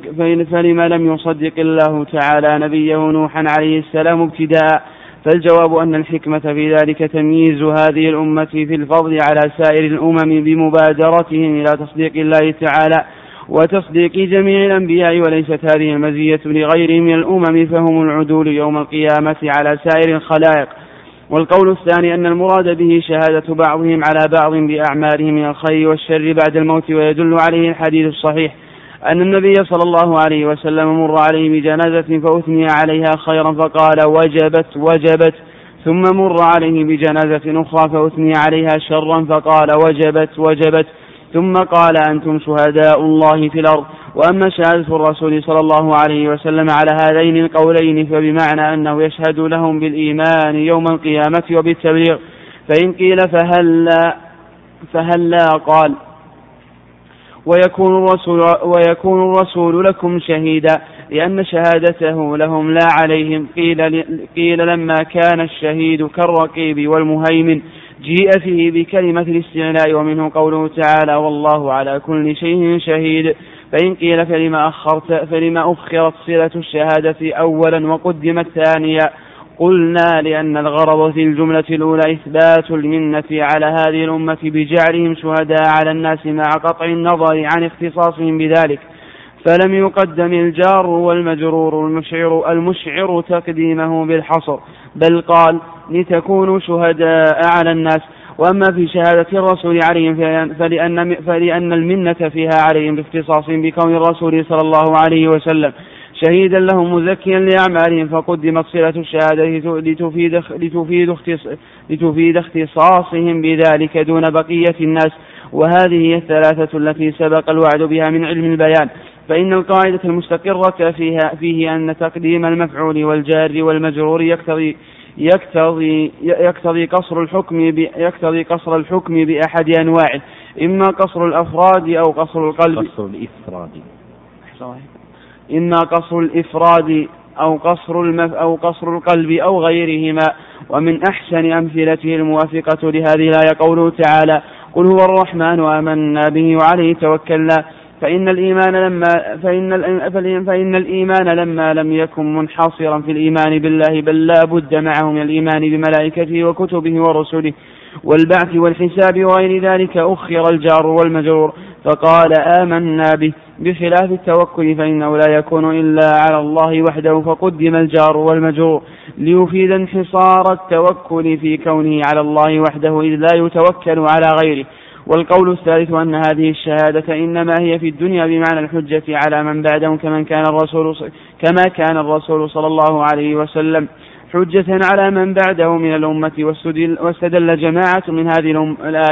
من هذه الآية على هذا القول على أن الإجماع حجة وقيده بعض الأئمة بما حاصله أن الشهادة إذا أريد بها الشهادة على الأعمال المشاهدة أضيفت إلى من يشاهد ذلك منه كما في قوله تعالى وجئنا بك على هؤلاء شهيدا فخص ذلك بالموجودين من أمته في زمن فخص ذلك بالموجودين من أمته في زمنه وكذلك قوله تعالى عن عيسى عليه السلام وكنت عليهم شهيدا ما دمت فيهم فلما توفيتني كنت أنت الرقيب عليهم فبين أن شهادته على أعمالهم مختصة بحال حياته فيهم فأما قوله تعالى ويكون الرسول عليكم شهيدا فإن هذا ليس خطابا للموجودين حينئذ فقط بل لكل الأمة إلى قيام الساعة فيكون النبي صلى الله عليه وسلم حجة على كل أمة كما كان مبعوثا إليهم إلى قيام الساعة وإذا ثبت أن المراد بقوله تعالى ويكون الرسول عليكم شهيدا كونه حجة عليهم فكذلك قوله تعالى لتكونوا شهداء على الناس بمعنى الحجة عليهم فيكون العصر الأول من الأمة إذا أجمعوا على شيء كان قولهم حجة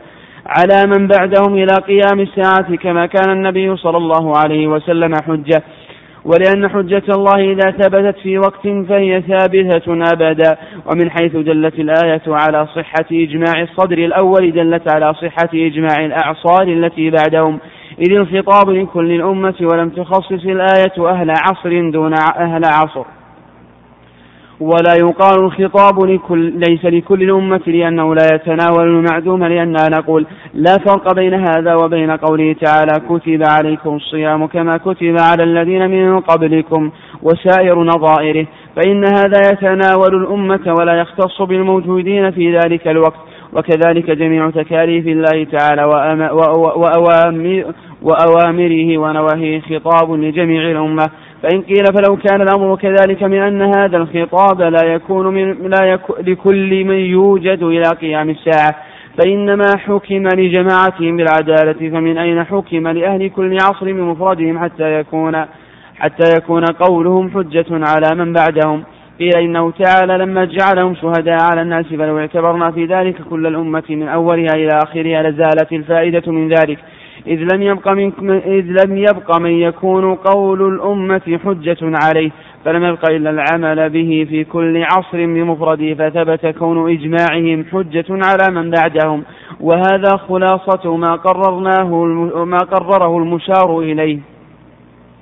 وفيه نظر لا يخفى على المتأمل ثم إن هذه الأقوال الثلاثة في هذا في معنى الشهادة يمكن ردها إلى معنى واحد لما تقرر من أن الوساطة هو العدل فيكون فيه إثبات العدالة لهذه الأمة في الدنيا مقتضية لكون إجماعهم حجة وإثبات العدالة لهم في الآخرة بكون شهداء بعضهم على شهداء بعضهم على في كونهم شهداء بعضهم على بعض في الأعمال وكونهم شهداء على الأمم السالفة بالتبليغ فلا منافاة حينئذ بين الأقوال وهذا يدل على أن ذكر المصنف رحمه الله تعالى ها هنا اختلاف العلماء رحمهم الله في تفسير قوله تعالى لتكونوا شهداء على الناس على أقوال ثلاثة أولها أن المراد شهادة هذه الأمة للأنبياء إذا جحدت بهم أممهم في الآخرة وثانيها أن المراد شهادة بعض هذه الأمة على بعض بأعمال الخير والشر وثالثها أن الشهادة ها هنا بمعنى الحجة فتكون هذه الأمة حجة على الأمم التي تظهر مقارنة لها في الزمان وهذه الأقوال الثلاثة أولاها بالتقديم هو القول الأول وهو قول جمهور أهل العلم وذلك لصحة الحديث الوارد في ذلك وهو حديث أبي سعيد الخدري وفيه شهادة محمد صلى الله عليه وسلم وأمته لنوح وغيره من الأنبياء بالتبليغ وفيه هذا الحديث قوله فنشهد أنه قد بلغ وهو قوله تعالى وكذلك جعلناكم أمة وسطا وأورد المصنف رحمه الله تعالى سؤالا يتعلق بذلك وهو قوله فإن قيل ما الحكمة حكمة في هذه الشهادة من الأمة ومن رسولها صلى الله عليه وسلم مع كون هاتين الشهادتين مستندة إلى شهادة الله عز وجل فلأي شيء احتيج إليها وقد ذكر المصنف رحمه الله تعالى أن الحكمة تمييز هذه الأمة وبيان فضلها فيستشهدون في الآخرة لبيان فضلهم على الأمم هذا وجه ووراءه وجه ثان أحسن وهو أن الله سبحانه وتعالى هو المرسل والعدل أن لا يستشهد المرسل بنفسه على غيره فإن الله عز وجل لتحقيق تبليغ الرسل لم يكن مقتضى السواء في الدعوة والعدل في القضية أن يكون في نظر هؤلاء الكفرة هو سبحانه وتعالى خصيما وشهيدا وإنما يكون سبحانه وتعالى هو خصمهم في تبليغ الرسل ويشهد من هو من جنسهم ممن بعث إليهم فيكون الشهود هم المرسل إليهم وليس الشاهد هو المرسل إليهم وهو الله سبحانه وتعالى وهذا أولى بالتقديم لأنه إذا كان الشاهد من جنس من ادعيت عليه الدعوة كان هذا أقوى في تثبيت الشهادة فلما كان هؤلاء الجحدة من الكفرة الذين يزعمون أن الأنبياء لم يبلغوا ما أمرهم الله سبحانه وتعالى دينهم لما كانوا من جنس المرسل إليهم كان المناسب أن يكون الشاهد من جنسهم فاختيرت شهادة من هو من جنسهم وهم هذه الأمة ورسولها صلى الله عليه وسلم ثم ذكر بعد ذلك نكتة لطيفة في التفريق بين تأخير الصلة وتقديمها في قوله تعالى لتكونوا شهداء على الناس ويكون الرسول عليكم شهيدا ولم يقل ويكون الرسول شهيدا عليكم وإنما قدم الجار والمجرور وبين المصنف ذلك بأن المراد في الجملة الأولى إثبات المنة على هذه الأمة بجعلهم شهداء على الناس والمراد في شهادة الرسول صلى الله عليه وسلم عليهم تزكيتهم لأعمالهم واختصاصهم بذلك من دون الناس قال وهذا نظير قوله تعالى قل هو الرحمن آمنا به وعليه توكلنا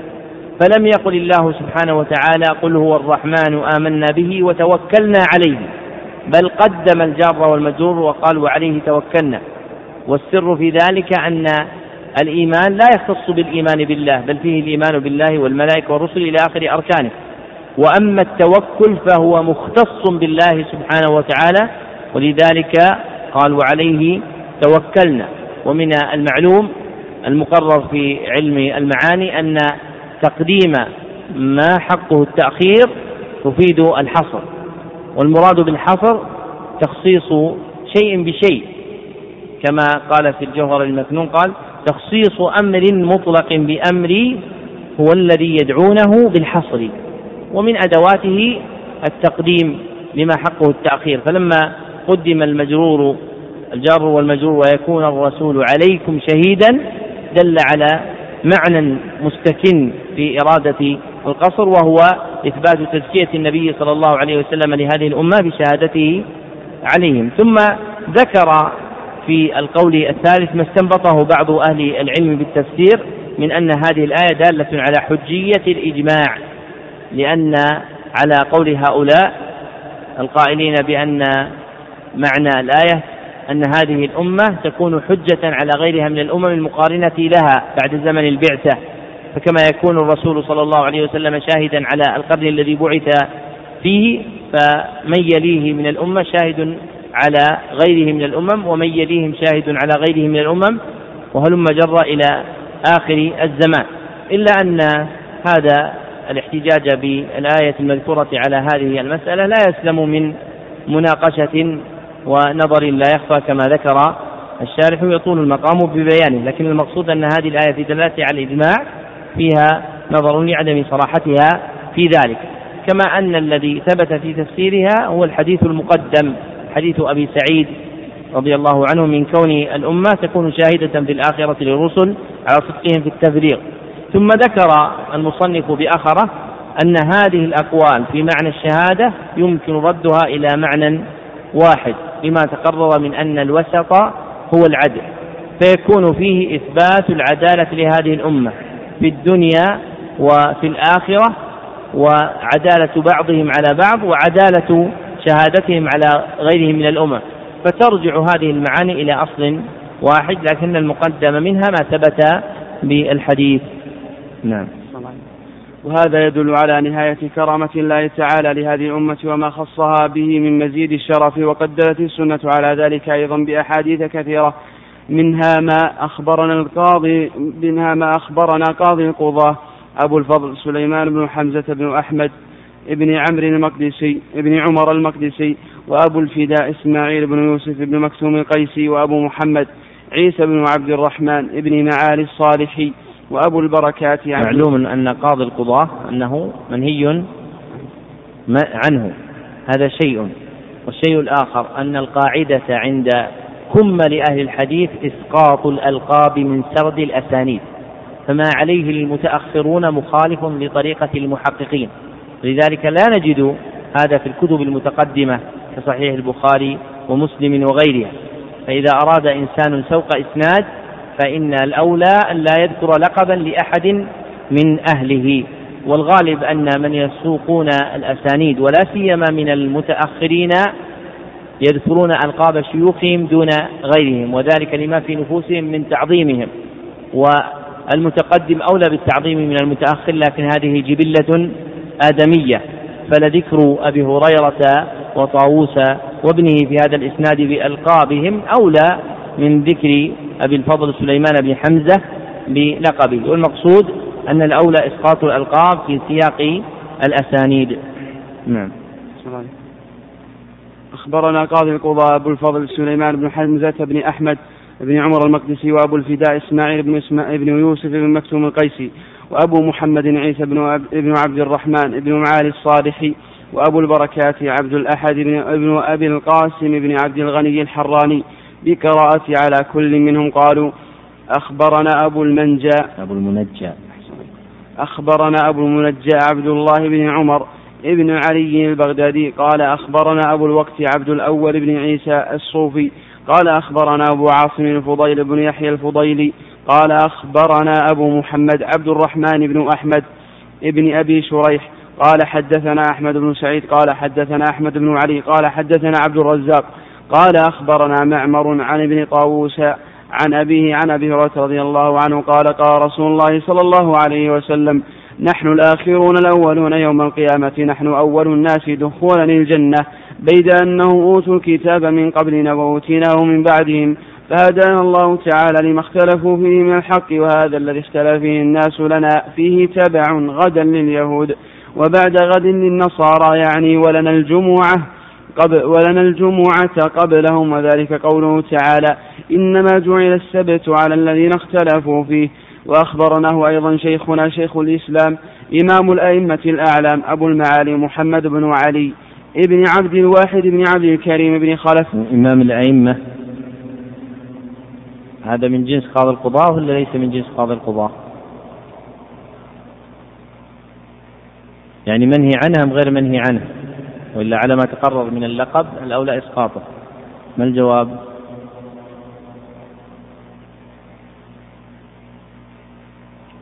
ها آه، محمد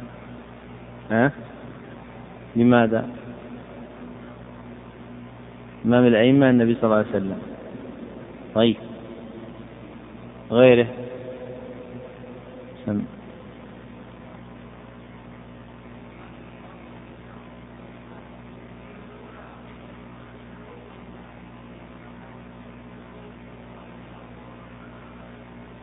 طيب وغيره الجواب أن يقال إن أريد بالأئمة أن تكون الاستغراقية فإن إمام الأئمة جميعا هو النبي صلى الله عليه وسلم فلا يطلق على غيره وإن أريد بألف الأئمة العهد يعني أهل زمن ما أو أهل فن من الفنون فهذا لا بأس به ولهذا شهر تلقيب أبي بكر بن خزيمة بإمام الأئمة ولم ينكر هذا أحد من العلماء ووقع في عقيدة أصحاب الحديث الصابوني تلقيب ابن شهاب الزهري بهذا وهذا هو المراد عند أهل العلم الذين يطلقونه فإن الأئمة هنا يراد بها أهل زمن أو فن ما فيصح حينئذ أن يقال إمام الأئمة على هذا المعنى نعم وأخبرنا هو أيضا شيخنا شيخ الإسلام إمام الأئمة الأعلام أبو المعالي محمد بن علي ابن عبد الواحد بن عبد الكريم بن خلف ابن نبهان الأنصاري السماكي نضر الله وجهه بقراءته عليه قال أخبرنا العلامة أبو العباس أحمد بن إبراهيم بن عمر, بن عمر الخطيب قال أخبرنا محمد بن سعيد بن علي بن خازن حاء وأخبرتنا عاليا أم محمد وزيرة بنت, بنت عمر بن أسعد التنوخي سماعا عليها قالت أخبرنا الحسين بن المبارك بن محمد الربعي سماعا قال أخبرنا أبو زرعة طاهر بن محمد بن طاهر المقدسي قال أخبر قال أخبرنا أبو الحسن مكي بن منصور الكرخي قال أخبرنا أبو بكر أحمد بن الحسن الحيري قال حدثنا أبو العباس محمد بن يعقوب الأصم قال أنبأنا الربيع بن سليمان المرادي قال أخبرنا هذه هذه من اختصار بعض أهل العلم لأخبرنا يختصرونها أيضا على هذه الصورة وهم يختصرونها على الصورة السابقة وهي الضمير أنا يردون بها أخبرنا ويختصرونها كذلك على أرنا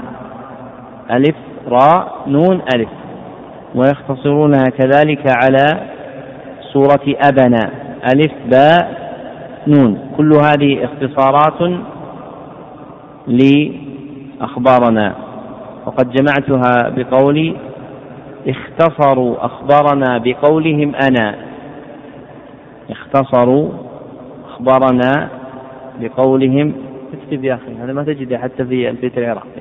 اختصروا أخبارنا بقولهم أنا أرنا وبعضهم يقول أبنا أرنا وبعضهم يقول أبنا اختصروا أخبرنا بقولهم أنا أرنا وبعضهم يقول فيها أبنا وبعضهم يقول فيها أبنا صار ثلاث اختصارات لكن من المعلوم أن الرمز كيف ينطق ينطق كلمة لكن لأجل التفهيم نطقنا به على رسمه وإلا ما تقول إذا جيت تقرأ تقول الأصم قال أبنا الربيع بل تقول أخبرنا الربيع نعم قال أخبرنا الربيع بن سليمان المرادي قال أخبرنا الإمام أبو عبد الله محمد بن إدريس الشافعي قال أخبرنا ابن عيينة يعني سفيان عن عبد الله بن طاووس عن أبيه عن أبي هريرة رضي الله عنه حاء وأخبرنا أبو عبد الله محمد بن أحمد بن أبي الهيجاء الصالحي بقراءته قال أخبر قال أخبر قال حدثنا قال حدثنا أبو علي الحسن بن محمد بن محمد بن البكري قال أخبرنا أبو روح عبد المعز بن محمد الهروي قال أخبرنا أبو القاسم زاهر بن طاهر الشحامي قال أخبرنا أبو سعد محمد بن عبد الرحمن الهر... الهروي ليس الهروي الهروي نسبة إلى هرات ودائما تسمع يقول الهروي هي الهروي نعم مدينة بأفغانستان اليوم نعم قال أخبرنا أبو, أبو روح عبد المعز بن محمد الهروي قال أخبرنا أبو القاسم زاهر بن طاهر الشحامي الشحامي الشحامي قال أخبرنا أبو سعد محمد بن عبد الرحمن الكن الكنجروذي أحسن الله عليكم قال أخبرنا أبو طاهر محمد بن الفضل بن محمد قال أم قال أخبرنا جدي الإمام أبو بكر محمد بن إسحاق بن خزيمة قال حدثنا عبد الجبار, عبد الجبار بن العلاء وسعيد بن عبد الرحمن المخزومي قال حدثنا سفيان قال حدثنا أبو الزناد عن الأعرج عن أبي هريرة رضي الله عنه حاء وسفيان عن ابن طوس عن أبيه عن أبي هريرة رضي الله عنه حاء وقال ابن خزيمة وحدثنا يونس بن عبد الأعلى قال حدثنا ابن وهب أن مالكا حدثه عن أبي الزناد عن الأعرج عن أبي هريرة رضي الله عنه قال قال رسول الله صلى الله عليه وسلم نحن الآخرون ونحن السابقون يوم القيامة بيد أنهم أوتوا الكتاب من قبلنا وأتيناه من بعدهم ثم هذا اليوم الذي كتبه الله عليهم فاختلفوا فيه وفي حديث مالك هذا يومهم الذي فرض الله عليهم فاختلفوا فيه فأدان الله له يعني يوم الجمعة الناس لنا فيه تبع اليهود غدا والنصارى بعد غد وأخبرناه أيضا محمد بن أبي العز بن, ابن... ابن مشرف ابن مشرف سماعا وآخرون قالوا أخبرنا الحسين بن مبارك البغدادي قال أخبرنا عبد الأول بن عيسى الهروي قال أخبرنا عبد الرحمن بن محمد بن المظفر قال أخبرنا عبد الله بن أحمد بن حم... بن حموي حموي حموي قال أخبرنا عبد الله ابن أحمد ابن حموي أن قال أخبرنا محمد بن يوسف قال حدثنا الإمام محمد بن إسماعيل قال حدثنا أبو اليمان قال أخبرنا شعيب عن أبي الزناد عن الأعرج عن أبي هريرة رضي الله عنه بنحوه وأخبرنا علامة أبو العباس أحمد بن إبراهيم بن سباع بن سباع ابن سباع الخطيب قراءة عليه وأخبرنا أه وأخبرنا أسم وأخبر لا وأنا اسمع أحسن وأنا أسمع وابن أخي شيخنا الرباني والعلامة أبو إسحاق إبراهيم بن شيخ الإسلام تاج الدين عبد الرحمن قدس الله روحه وأبو الحسن علي بن محمد بن ممدود البندج البندنيجي وأبو عبد الله محمد بن عمر بن خواجائنا ومحمد بن أبي بكر بن طرخان وأحمد بن حمو وأحمد بن حمود لا حمود إيه. حمود هذه في المتأخرين في المتقدمين حمود بفتح الحاء وتشديد الميم مضمومة كما نص على ذلك ابن ماكولة في كتاب الإكمال وأسماء العرب قد دخلها التحويل لما كان عليه الأولون إلى أوضاع مختلفة كقولهم حمود عوض حمود وقولهم حمد عوض حمد وقولهم طلق عوض طلق فما كان من المتقدمين فهو على هذا الجنس الذي ذكرنا حمود وطلق آه، وحمد نعم وأحمد بن حمود بن عمر الحراني بقراءته عليهم قال شيخنا الأول أنا أخبرنا العلامة أبو عمر عثمان بن عبد الرحمن عمر قال أخبرنا علامة أبو عمر عثمان بن عبد الرحمن بن الصلاح الشافعي وعتيق بن أبي الفضل البيلماني ومحمد بن علي بن محمود العسقلاني ومحمد بن أحمد بن علي القرطبي وقال ابن ممدود أخبرنا أحمد بن عمر الباذبيني وقال ابن خواجة إمام أخبرنا إبراهيم بن عمر بن مضر الواسطي وقال الباقون أخبرنا أحمد بن عبد الدائم المقدسي قال عتيق أخبرنا الحافظ أبو القاسم علي بن الحسن الدمشقي وقال ابن الصلاح والباذبيني أنا أخبرنا المؤيد بن محمد الطوسي وقال عسقلاني والواسطي أخبرنا منصور بن عبد المنعم الفراوي وقال القرطبي وابن عبد الدائم أخبرنا محمد بن علي بن صدقة قالوا أخبرنا محمد بن الفضل بن أحمد الفقيه قال أخبرنا عبد الغافر بن محمد الفارسي قال أخبرنا أحمد بن محمد بن عمرويه قال أخبرنا إبراهيم بن محمد الزايد قال حدثنا الإمام مسلم بن الحجاج قال حدثنا محمد بن رافع قال حدثنا عبد الرزاق عن معمر عن همام بن منبه قال هذا ما حدثنا أبو هريرة رضي الله عنه عن النبي صلى الله عليه وسلم فذكره وأخبرنا محمد بن أحمد بن الزراد بن الزراد أحسن عليكم قال أخبرنا محمد بن أبي بكر بن خلف قال أنبأنا الحافظ أبو عبد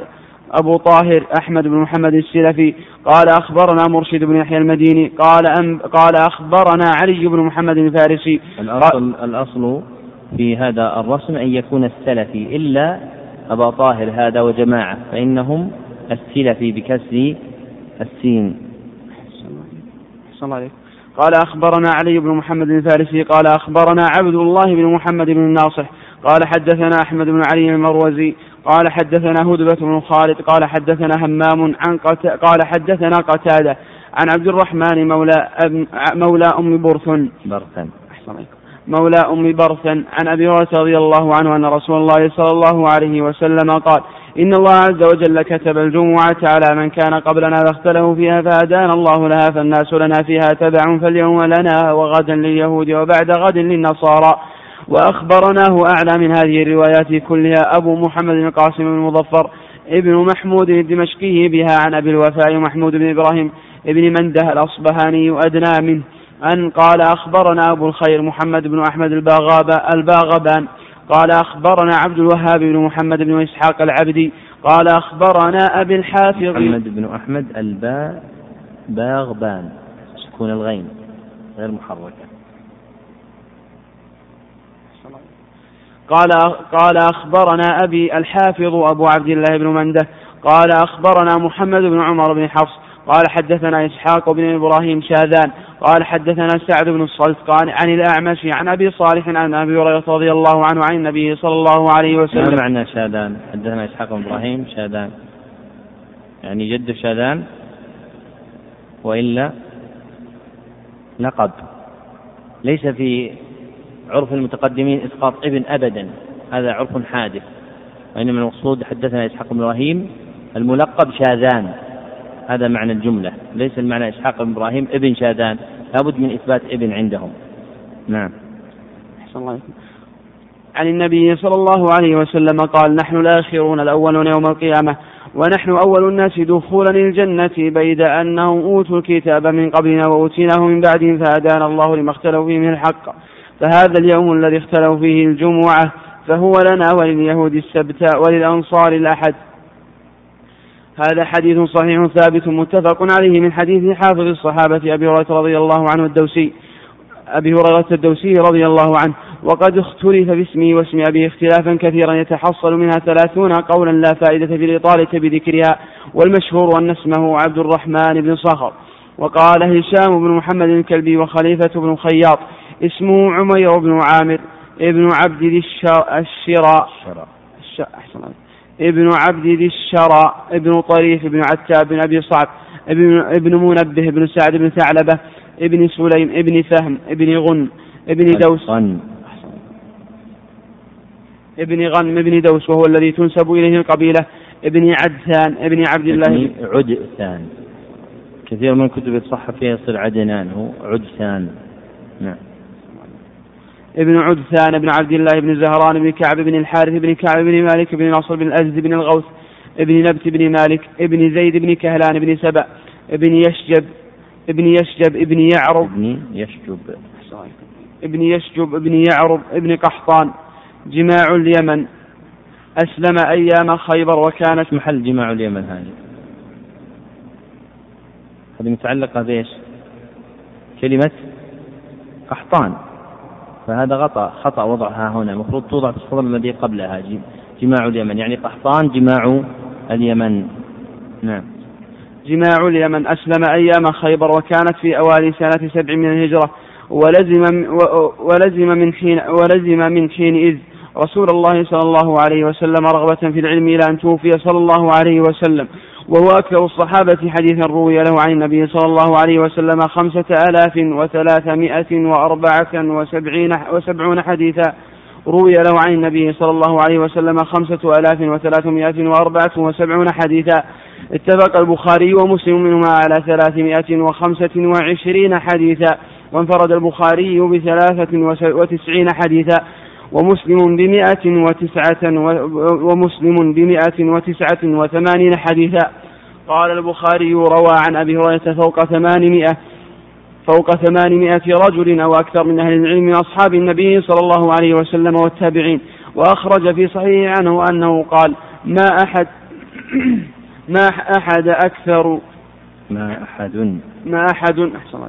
ما أحد أكثر حديثا عن رسول الله صلى الله عليه وسلم مني إلا ما كان من عبد الله بن عمرو فإنه كان يكتب وكنت لا أكتب وفي الصحيح أيضا عنه أنه قال إن إخواني من المهاجرين كان يش... كان يشغلهم الصفق بالأسواق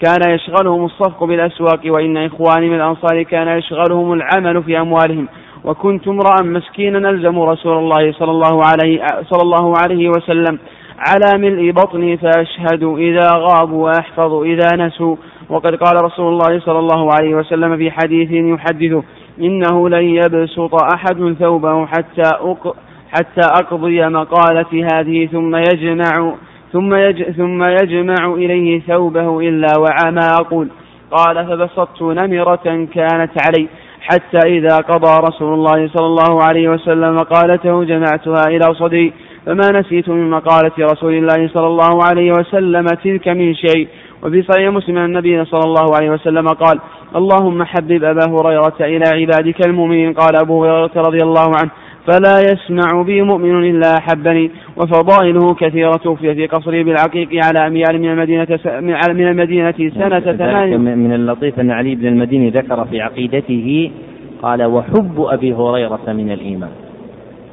هذا من لطائف ما جاء في عقيدته رحمه الله التي أوردها اللالكائي وغيره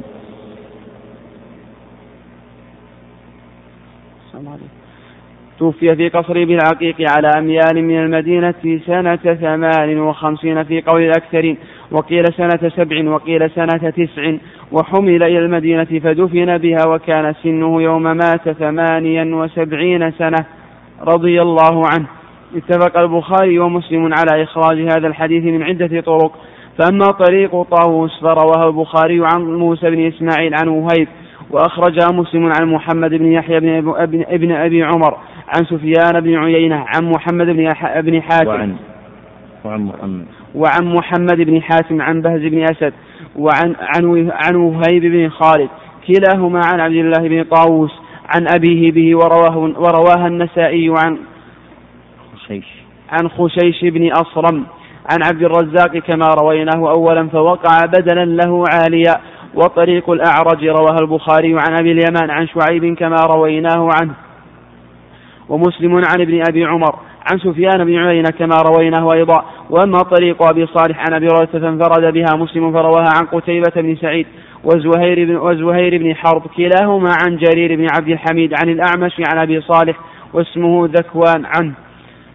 وكذلك انفرد مسلم أيضا بطريق همام بن منبه عن ابن منبه عن أبي هريرة كما كما سقناه من حديثه وأخرج أيضا من حديث أبي حازم سلمان مولى عزة الأشجعية عن أبي هريرة ومن حديث ربعي بن حراش عن حذيفة بن اليمان رضي الله عنه عن النبي صلى الله عليه وسلم وقد وقع لنا عاليا من هذا الوجه أيضا أخبرناه أبو العباس أحمد بن أبي بكر بن حامد الأرم الأر الأرموي الأرموي وأبو عبد الله محمد بن منصور الحلبي وأبو العباس أحمد بن أبي العز بن إبرا... وأبو العباس أحمد بن أبي العز إبراهيم بن أبي عمر وأبو محمد حمزة بن عبد الله بن حمزة ومحمد بن إبراهيم ابن مرى مري ابن مري كل ما في كتب المتقدمين هو بهذا الضبط مري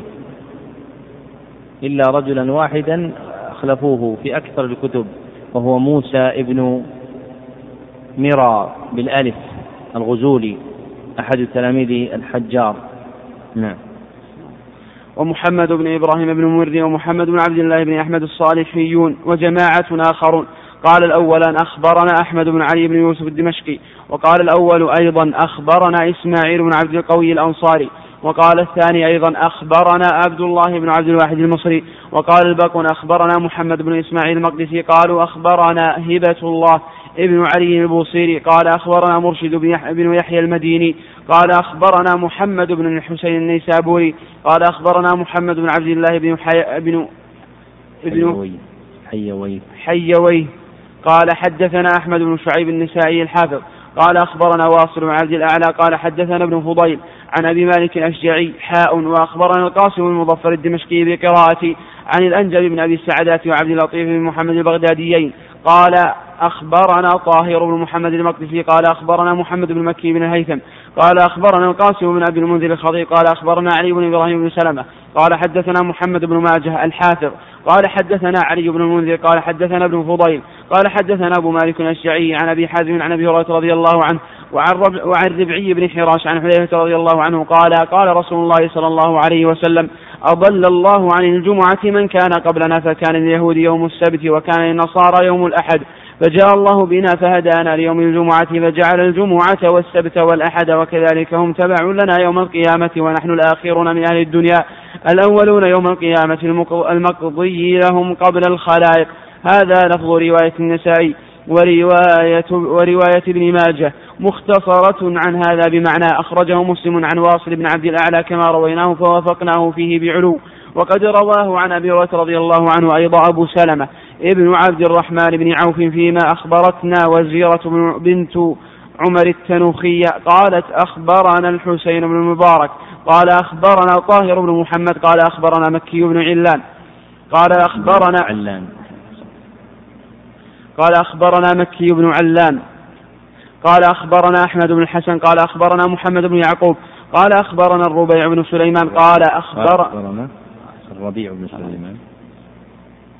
قال أخبرنا قال أخبرنا الربيع بن سليمان قال أخبرنا الإمام محمد بن إدريس قال أخبرنا إبراهيم بن محمد قال حدثني محمد بن عمرو بن علقمة عن أبي سلمة عن أبي رضي الله عنه عن النبي صلى الله عليه وسلم قال نحن الآخرون السابقون يوم القيامة فذكره كما تقدم فهؤلاء سبعة رووا عن أبي هريرة رضي الله عنه فهو مشهور عنه وهو عزيز عن النبي صلى الله عليه وسلم بمتابعة حذيفة بن اليمان لأبي هريرة رضي الله عنه والمباحث المتعلقة بهذا السند من علوم الحديث كثيرة لكن نشير إلى شيء منها على وجه الاختصار وهو أنه قد تقرر أن الخبر على قسمين متواتر وآحاد وأن المتواتر خبر الجماعة المفيد بنفسه العلم المفيد بنفسه العلم بصدق ذلك الخبر وشرطه استواء الطرفين والواسطة والبحث فيه مع من ينكر إفادته العلم المشهور فلا فائدة في ذكره وكذلك الكلام في اشتراط عدد المخبرين والصحيح أنه لا يشترط فيه عدد وأما خبر الواحد فهو ما لم ينتهي ما لم ينتهي إلى التواتر وهو على ضربين مستفيض وغيره والأول هو المسمى عند أهل الحديث بالمشهور وما زادت نقلته على ثلاثة وينقسم إلى مشهور بين أهل الحديث وغيرهم كحديث المسلم من سلم المسلمون من لسانه ويده وإلى مشهور بين أهل الحديث خاصة وهو خاصة وهو الكثير وينقسم أيضا إلى مشهور صحيح كهذا الحديث عن أبي هريرة وإلى مشهور ضعيف كحديث طلب العلم فريضة على كل مسلم وغير المشهور ما نقص عن هذه الدرجة وكل منها مفيد للظن القاصر عن العلم عند الجمهور من أئمة الأصول والفقه لكن الظن الحاصل من الخبر المشهور الأقوى منه من غيره وتظهر ف... وتظهر فائدة ذلك عند التعارض والترجيح وذهب جمهور أهل الحديث إلى أن الخبر المشهور الذي تعددت طرقه وكثرت مخارجه وهي صحيحة كلها تفيد العلم النظري لا الضروري وهذا اختيار الأستاذ أبي إسحاق الإسفراييني وأبي بكر بن فورك والإمام ابن فورك وأبي بكر بن فورك والإمام أبي منصور التميمي وفي كلام إمام الحرمين ما يقتضي الميل إليه وكذلك القاضي الماوردي كما, نسى كما سنحكيه عنه وعلى هذا ينبغي أن يتنزل قول الإمام أن يتنزل أن يتنزل أن يتنزل قول الإمام أحمد أن خبر الواحد يفيد العلم لا مطلقا فإنه بعيد أن يقول به والصحيح أن مثل هذا وإن أفاد العلم فلا يفيده لكل أحد ولا يطرد في كل خبر مشهور ولا يطرد في كل خبر مشهور بل يختص ذلك بالذي صحت طرقه كلها وسلمت عن التعليل ويختص بأئمة الحديث المتبحرين فيه والكلام في هذا قريب من الكلام في خبر الواحد قريب من الكلام في قريب من الكلام في خبر الواحد إذا احتست به القرائن فقد اختار الغزالي والآمدي وابن الحاجب وغيرهما أنه قد يفيد العلم أيضا لكنه لا يطارد في كل خبر احتفت به القرائن كما ذكرناه وقد سلك القاضي الماوردي في كتابه الحاوي مسلكا غريبا وهو أنه جعل المستفيض أقوى من المتواتر وجعل كل منهما يفيد العلم قال فالمستفيض أن أن ينتشر من ابتداء من البر من من البر والفاجر وهلم جرا إلى آخره ويعني استوى فيه الطرفان والواسطة والمتواتر ما ابتدأ به الواحد بعد الواحد حتى يكثر عددهم ويبلغ عددا ينتفي عن مثلهم الغلط والتواطؤ فيكون في أوله من أخبار الأحاد وفي آخره من أخبار التواتر ويكون الفرق بين خبر التواتر والاستفاضة من ثلاثة وجوه أحدها ما ذكرنا من اختلافهما في الابتداء واتفاقهما في الانتهاء والثاني أن أخبار الاستفاضة لا يراعى فيها عدالة المخبر وأخبار التواتر يراعى فيها ذلك والثالث أن أخبار التواتر هي التي انتشرت عن قصد لروايتها وأخبار الاستفاضة تنتشر من غير قصد لروايتها ثم قال والمستفيض من أخبار السنة مثل أعداد الركعات والمتواتر مثل نصب الزكوات هذا خلاصة ما ذكره وحاصل القول بأن الخبر المشهور يفيد العلم لكنه عكس التسمية فسمى المتواتر بالمستفيض والمستفيض بالمتواتر وقوله في الاستفاضة هنا موافق لما اختاره في الشهادات أن الشهادة بالاستفاضة يشترط فيها أن يكون سمع ذلك من عدد يمتنع تواطؤهم يمتنع تواطؤهم على الكذب وهو اختيار الصباغ والغزالي والمتأخرين قال الرافعي وهو أشبه بكلام الشافعي رحمه الله تعالى والذي اختاره الشيخ أبو حامد الإسفرايني والشيخ أبي أبو إسحاق في التنبيه وأبو حاتم القزويني أن الاستفاضة تثبت بسماعه من اثنين وإليه, وإليه ميل إمام الحرمين رحمه الله فهذا بعض ما يتعلق بسنده بعد أن ذكر المصنف رحمه الله تعالى أن الآية دالة على فضل هذه الأمة وشرفها على غيرها من الأمم أورد حديثا مخرجا في الصحيحين بطرقه وهو حديث أبي هريرة نحن الآخرون السابقون يوم القيامة وساقه بأسانيده التي ترجع إلى روايته من كتاب مشهور فقد خرجه مرة من صحيح البخاري ومرة من صحيح مسلم ومرة من سنن النسائي ومرة من سنن ابن ماجه وهذا هو حال أسانيد المتأخرين أنهم لا يروون بسند مستقل لا يمر بكتاب بل صار المستقر عندهم أن الإنسان لا يروي إذا خرج لنفسه إلا من طريق كتاب من الكتب التي تلقاها أهل الحديث بالرواية وبعد القرن الخامس تقريبا لا يوجد حديث مستقل بإسناد لا يمر بكتاب من كتب المتقدمين وإذا كان هذا في حال القرن الخامس فما بعده فأولى حينئذ أن تكون الأسانيد اليوم المروية إنما هي أسانيد تمر بالرواية من طريق الكتب المشهورة كالصحيحين وغيرهما ثم شرع المصنف بعد ذلك يتكلم على هذا الحديث من جهة سنده ومتنه وقدم أولا الكلام على السند مع أن المتقدم حقيقة هو المتن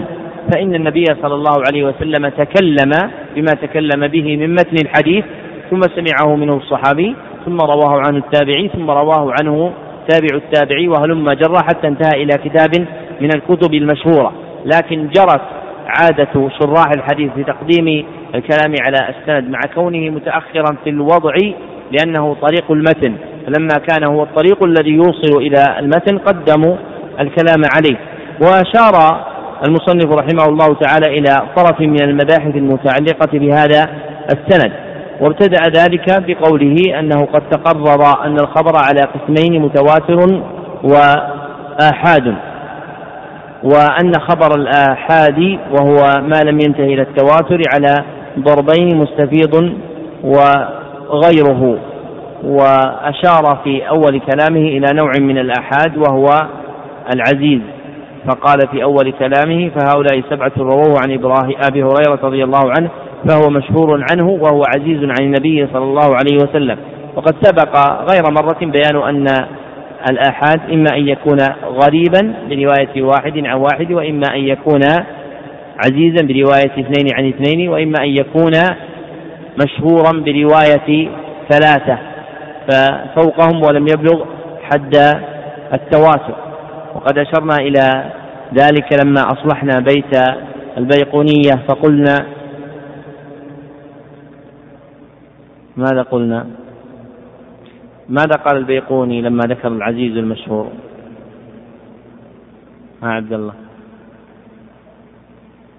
ايوه طيب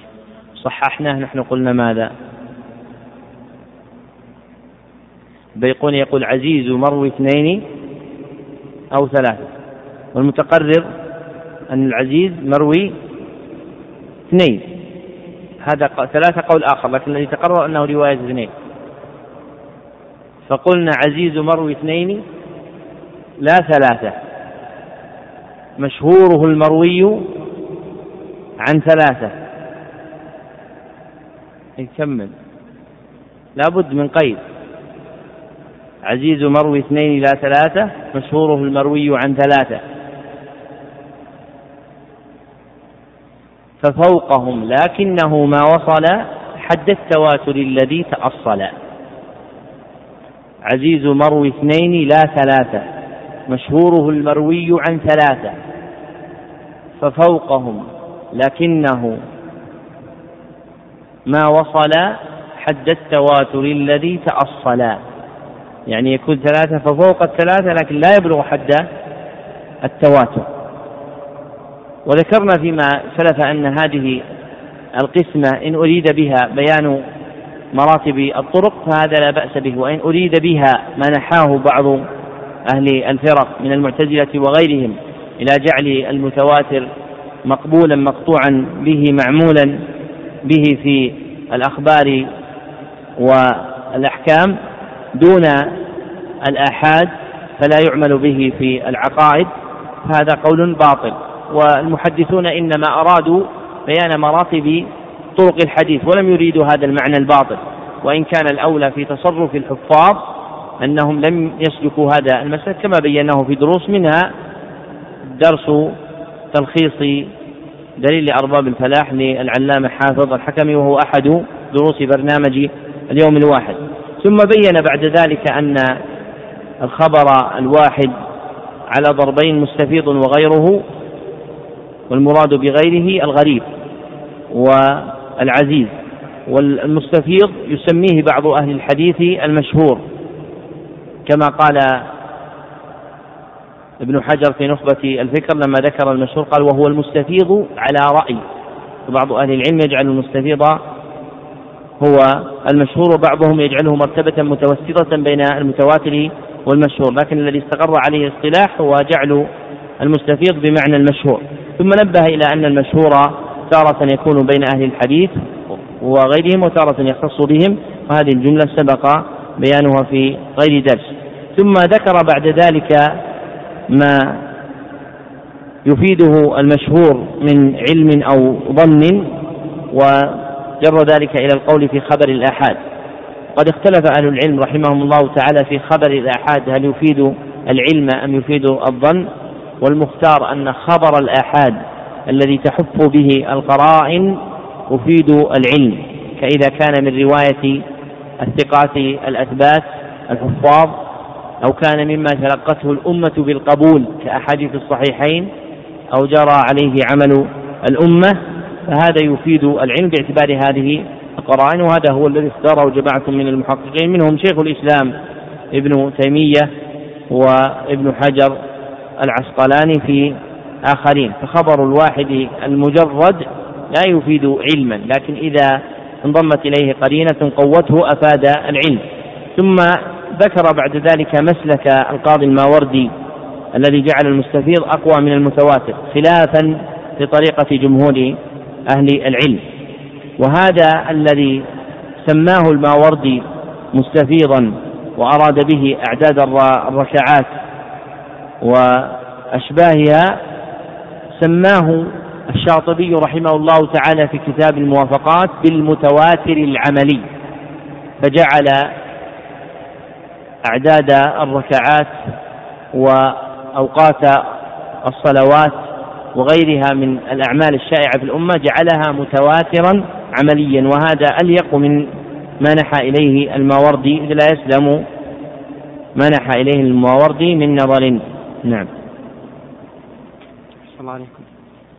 قوله صلى الله عليه وسلم نحن الآخرون يعني في الدنيا ونحن السابقون يعني يوم القيامة في القضاء بينهم قبل الخلائق وفي دخول الجنة كما صرح به في بعض الروايات المتقدمة وبيد قال أبو عبيد تكون بمعنى غير وبمعنى على وبمعنى من أجل والكل صحيح هنا وموضوعها نصب على الاستثناء وقوله صلى الله عليه وسلم فهذا اليوم الذي اختلفوا فيه يعني يوم الجمعة وقد اختلف في كيفية هذا الاختلاف فقال جماعة إن الله تعالى أمر اليهود بيوم غير معين بيوم غير معين من أيام الأسبوع يجتمعون فيه ويعظمون الله تعالى فاجتهدوا واختاروا يوم السبت وكذلك النصارى فاختاروا يوم الأحد وكل منهما أخطأ في اجتهاده ما, أمر الله ما أمره الله به وحكى القرطبي وغيره أن موسى عليه السلام أمر بني إسرائيل عن الله تعالى بيوم الجمعة على التعيين فناظره على ذلك وقالوا يوم السبت أولى وعدلوا عن يوم الجمعة ظلما وعدوانا والأول أظهر لحديث حذيفة المتقدم أضل الله عن الجمعة من كان قبلنا الحديث ولقوله صلى الله عليه وسلم فهذا اليوم الذي اختلفوا فيه أي أخطأوا لما اختلفوا في لما اختلفوا في اجتهادهم ولو كان عينه لهم ثم عدلوا عنه إلى غيره لقال خالفوا فيه وكذلك اختلف أيضا في معنى قوله صلى الله عليه وسلم فهدانا الله له هل كان فعل الجمعة عن عن إلهام من الله للصحابة وهداية منهم إليه من غير توقيف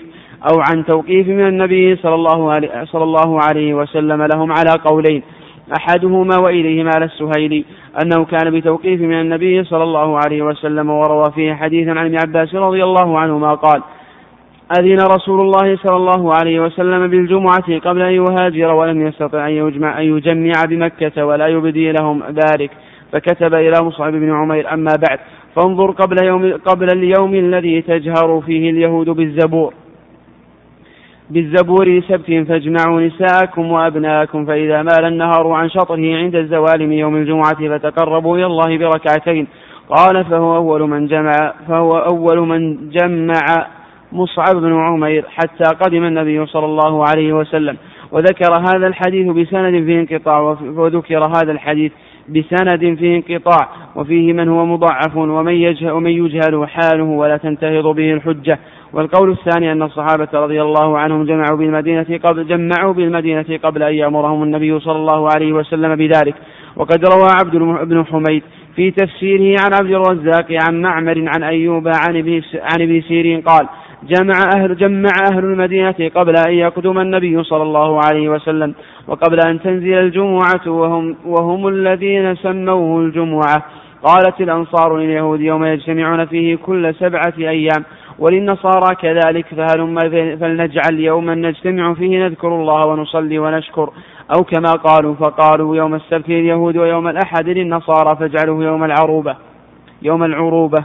وكانوا يسمون يوم الجمعة يوم العروبة فاجتمعوا إلى أسعد بن زرار رضي الله عنه فصلى بهم يومئذ ركعتين وذكر وذكرهم وذبح لهم شاه فتغدوا منها وتعشوا لقلتهم فسموه يوم الجمعة لاجتماعهم إليه ثم أنزل الله بعد ذلك إذا نودي للصلاة من يوم الجمعة يعني ففرضها, ففرضها عليهم وهذا وإن كان حديثا مرسلا فهو صحيح الإسناد من أحسن المراسيل ويقويه ما صح عن كعب بن مالك رضي الله عنه أنه كان إذا سمع النداء للجمعة ترحم على أبي أمامة أسعد بن زرارة فسأله ابنه عن ذلك فقال يا بني هو أول من صلى بنا الجمعة فهذا يدل على خلاف الرواية الأولى وأن, وأن مصعب بن عمير لم يصلي بهم أولا ويتأيد هذا القول أيضا بما تقدم من قوله صلى الله عليه وسلم أضل الله عن الجمعة من كان قبلنا وقال فيه فجاء الله بنا فأدان ليوم الجمعة والظاهر أن هاتين الركعتين اللتين كان أسعد بن زرارة يصليهما بهم غير صلاة الجمعة أن فرضهم لأن فرضهم أولا كان صلاة الظهر ولم يكن لهم تركها إلى هاتين الركعتين إلا بتوقيف ثم لما فرض الله عليهم الجمعة استقرت الركعتان عوضا استقرت الركعتان عوضا عن الصلاة عن صلاة الظهر وإنما عدلت اليهود إلى يوم السبت والنصارى إلى يوم الأحد لما زعموا جميعا أن بدء الخلق كان يوم الأحد وآخر الأيام الستة يوم الجمعة فعظمت اليهود السبت لأنهم اعتقدوه اليوم السابع وزادوا كفرا وعدوانا بأن, سو... بأن سموه يوم الراحة قالوا استراح الله فيه من الخلق تعالى الله عما يقولون علوا كبيرا وعظمت النصارى يوم الأحد لأنه الذي ابتدأ فيه بخلق المخلوقات وكل ذلك ليس بصحيح بل الصحيح ما ثبت في صحيح مسلم عن النبي صلى الله عليه وسلم قال إن الله خلق التربة يوم السبت الحديث آخر الأيام الستة إذا يوم الخميس وكان يوم الجمعة هو اليوم السابع فيه, خلق وفيه خلق آدم عليه السلام فأكرم الله, فأكرم الله بني بأن يجتمعوا يوم خلقه ويشكر الله تعالى ويذكر لأنه جعل فيه بدء خلقهم وكذلك جعل فيه فناؤهم كما ثبت عن النبي صلى الله عليه وسلم أنه قال خير يوم طلعت عليه الشمس يوم الجمعة فيه خلق آدم وفيه تقوم الساعة فكان الاجتماع فيه التذكرة بالمبدأ والمعاد ولهذا خص البيع فيه بالنهي عند السعي للجمعة تذكرة باليوم الذي لا بيع فيه ولا خلال ولأجل التذكرة بالمبدأ والمعاد كان النبي صلى الله عليه وسلم والله أعلم يقرأ سورة الجمعة في صبحه في صبحه واستحب الفقهاء قراءتها لما اشتملت عليه من ذكر خلق آدم من طين ولما فيها من ذكر يوم القيامة ثم كان هذا اليوم مناسبا لسبق هذه الأمة إلى كل خير لأنه سابق ليومي اليهود والنصارى ولأنه وتر الأيام التي قبله على ما تقدم أن أول المخلوقات كان يوم السبت والله تعالى وتر يحب الوتر لما بين المصنف رحمه الله تعالى طرفا مما يتعلق بسند الحديث شرع يذكر طرفا آخر يتعلق بمتنه فكان مما ذكره في تفسير قوله صلى الله عليه وسلم نحن الآخرون يعني في الدنيا لأن هذه الأمة هي آخر الأمم وهي الأمة السبعون من أمم الأرض كما ثبت ذلك عند الترمذي من حديث فهد بن حكيم بن معاوية بن حيدة عن أبيه عن جده رضي الله عنه أن النبي صلى الله عليه وسلم قال إنكم تتمون سبعين أمة أنتم خيرها وأكرمها على الله عز وجل فهذه الأمة هي آخر الأمم وجودا وهي أسبقها يوم القيامة وذلك في قوله تعالى ونحن السابقون يعني يوم القيامة في القضاء بينهم قبل الخلائق وفي دخول الجنة وبينا شيئا من معاني هذا السبق في الإملاء على فصول حادي الأرواح في برنامج الأبواب والفصول الأول ثم ذكر معنى بيدا وأنها تكون بمعنى غير أو على أو من أجل في قوله صلى الله عليه وسلم بيدا أنهم أوتوا الكتاب من قبلنا أي غير أنهم أوتوا الكتاب من قبلنا أو على أنهم أوتوا الكتاب من قبلنا أو من أجل أنهم أوتوا الكتاب من قبلنا ثم ذكر بعد ذلك خصيصة هذه الأمة بيوم الجمعة في قوله صلى الله عليه وسلم فهذا اليوم الذي اختلفوا فيه واختلاف من قبلنا قال جماعة إن الله تعالى أمر اليهود بيوم غير معين يجتمعون فيه ويعظمون الله فاجتهدوا واختاروا السبت واختار النصارى الأحد وذهب بعض أهل العلم إلى أنهم خالفوا ما عين لهم والأول أصح أنهم ظلوا يوم الجمعة لما اجتهدوا لأن النبي صلى الله عليه وسلم قال أضل الله عن الجمعة من كان قبلنا فهم يوم اختلفوا فيه باجتهادهم وهدى الله هذه الأمة لما اختصهم به من إصابة يوم الجمعة واختلف أهل العلم هل إصابة يوم الجمعة بتجميع الصحابة في ذلك اليوم كان عن توقيف من النبي صلى الله عليه وسلم أم عن إلهام فذهب بعض أهل العلم إلى أنه توقيف وإليه مال السهيلي صاحب أبض الأنف في شرح السيرة وفي ذلك حديث لا يثبت عن النبي صلى الله عليه وسلم وهو حديث ابن عباس الذي ذكره المصنف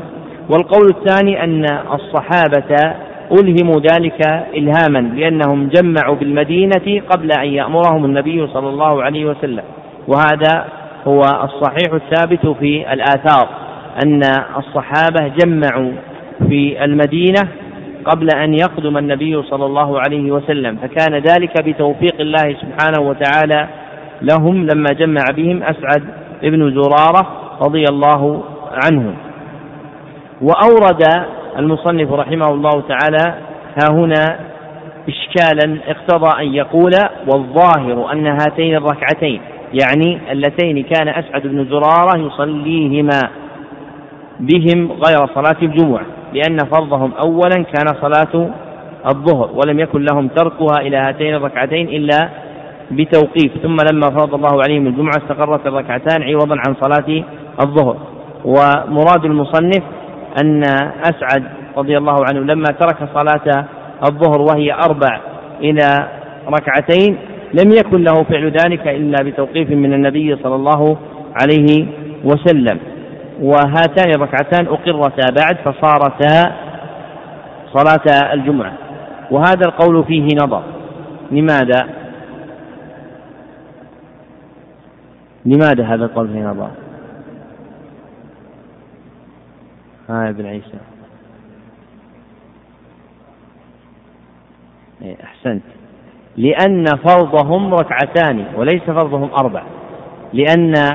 فرض الصلاة على القول الصحيح من قولي أهل العلم كان أولا ركعتان ركعتان ثم لما هاجر النبي صلى الله عليه وسلم إلى المدينة صارت الأربع فحينئذ لا معنى لما أورده المصنف رحمه الله تعالى فلم يكن فرضهم الأربع وإنما كان فرضهم الركعتان وهم قد صلوا ركعتان ثم ذكر سبب عدول اليهود إلى السبت والنصارى إلى الأحد أنهم زعموا جميعا أن بدء الخلق كان يوم الأحد وآخر الأيام الستة هو يوم الجمعة وذكر أن الصحيح أن آخر الأيام الستة هو يوم الخميس وكان يوم الجمعة هو اليوم السابع وفيه خلق آدم وفي ذلك حديث أبي هريرة إن الله خلق التربة يوم السبت وهو حديث في صحيح مسلم وقد ضعفه بعض أهل العلم كعلي بن المديني والبخاري لكن الصحيح أن هذا الحديث صحيح كما ذهب إليه مسلم وغيره من الحفاظ وليس في هذا الحديث أن الخلق وقع في سبعة أيام وأنه مخالف للقرآن لأن الذي في القرآن خلق السماوات والأرض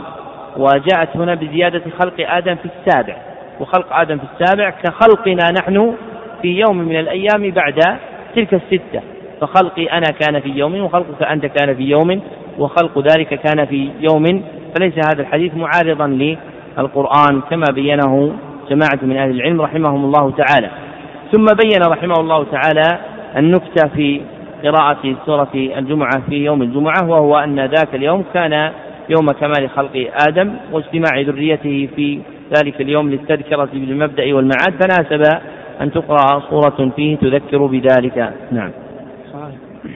وقد اختلف العلماء في أن يوم الجمعة أفضل الأيام أو يوم عرفة وهما وجهان لأصحابنا ورجح المتأخرون منهم تفضيل يوم يوم عرفة لحديث هشام الدستوائي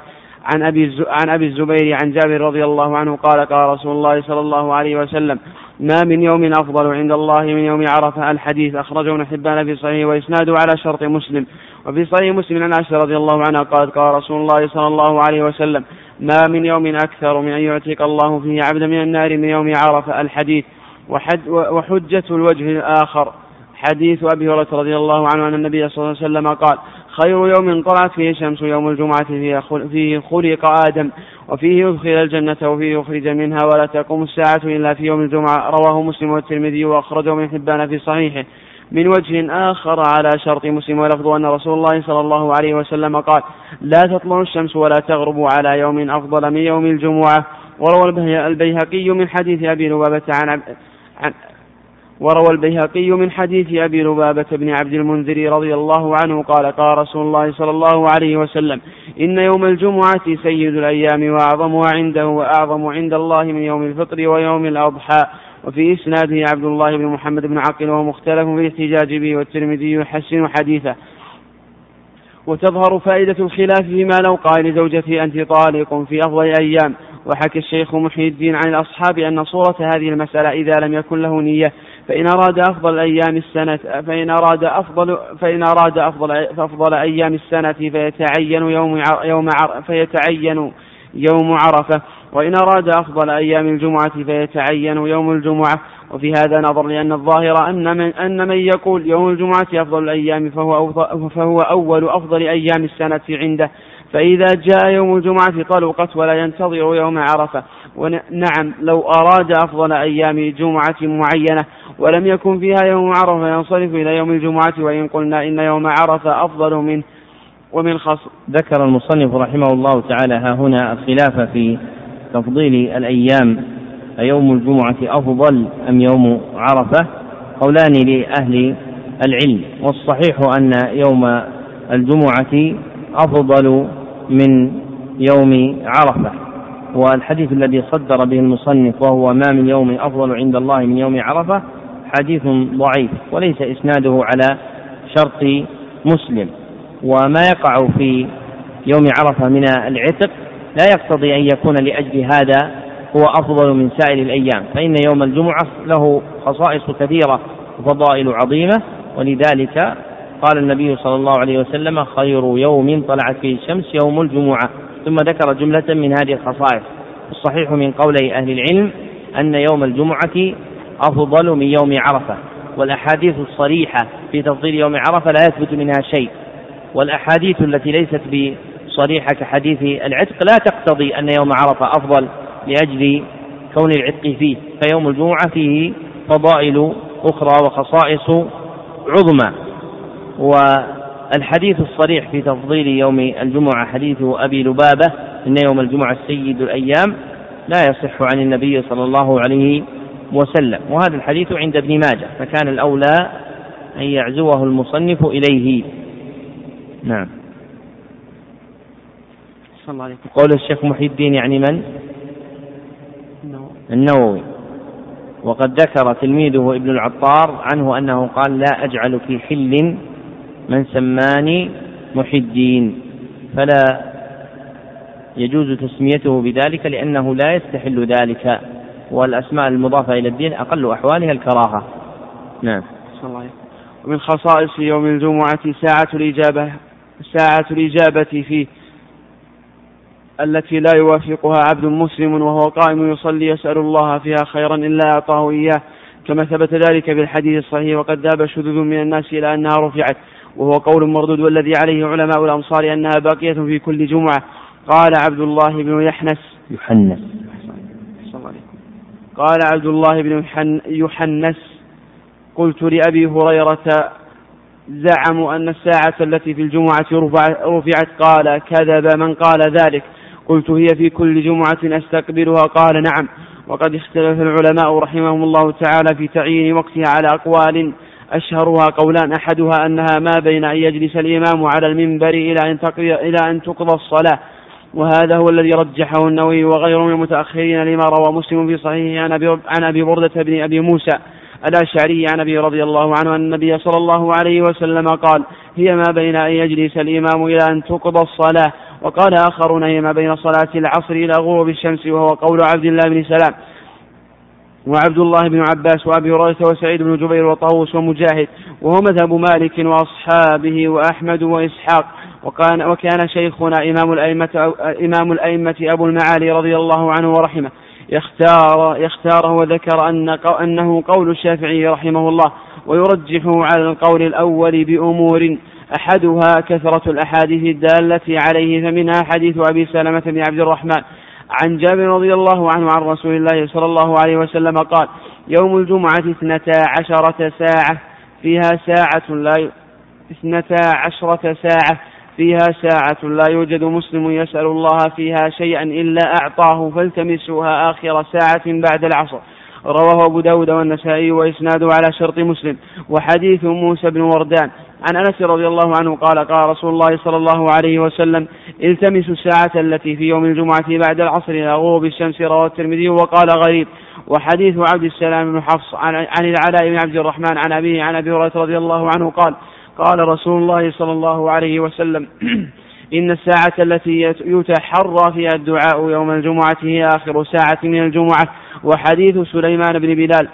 عن أبيه عن صفوان بن سليم عن أبي سلمة عن أبي سعيد الخدري رضي الله عنه قال قال رسول الله صلى الله عليه وسلم الساعة التي يستجاب فيها الدعاء يوم الجمعة بعد العصر إلى غروب الشمس رواه ابن عبد البر في التمهيد ورجالهما ثقات قال الإمام أحمد بن حنبل أكثر الحديث بساعة الجمعة أنها بعد العصر وثانيها, وثانيها أنها الساعة التي خلق آدم فيها كما ورد في الحديث فأكرم فأك فأكرم بنوه بأن جعلت تلك الساعة يستجاب فيها دعاؤهم وقد أشار إلى هذه العلة كعب وغيره وثالث أن ما بين أن يجلس الإمام إلى أن تقضى الصلاة بين أذانين وبين كل أذانين ساعة إجابة فلا خصوصية للجمعة في ذلك بخلاف القول بأنها بعد العصر وعلى هذا القول فيحمل قوله صلى الله عليه وسلم في هذا الحديث المتقدم لا يوافقها عبد مسلم وهو قائم يصلي على القيام بمعنى المواظبة كما, كما في قوله تعالى إلا ما دمت عليه قائما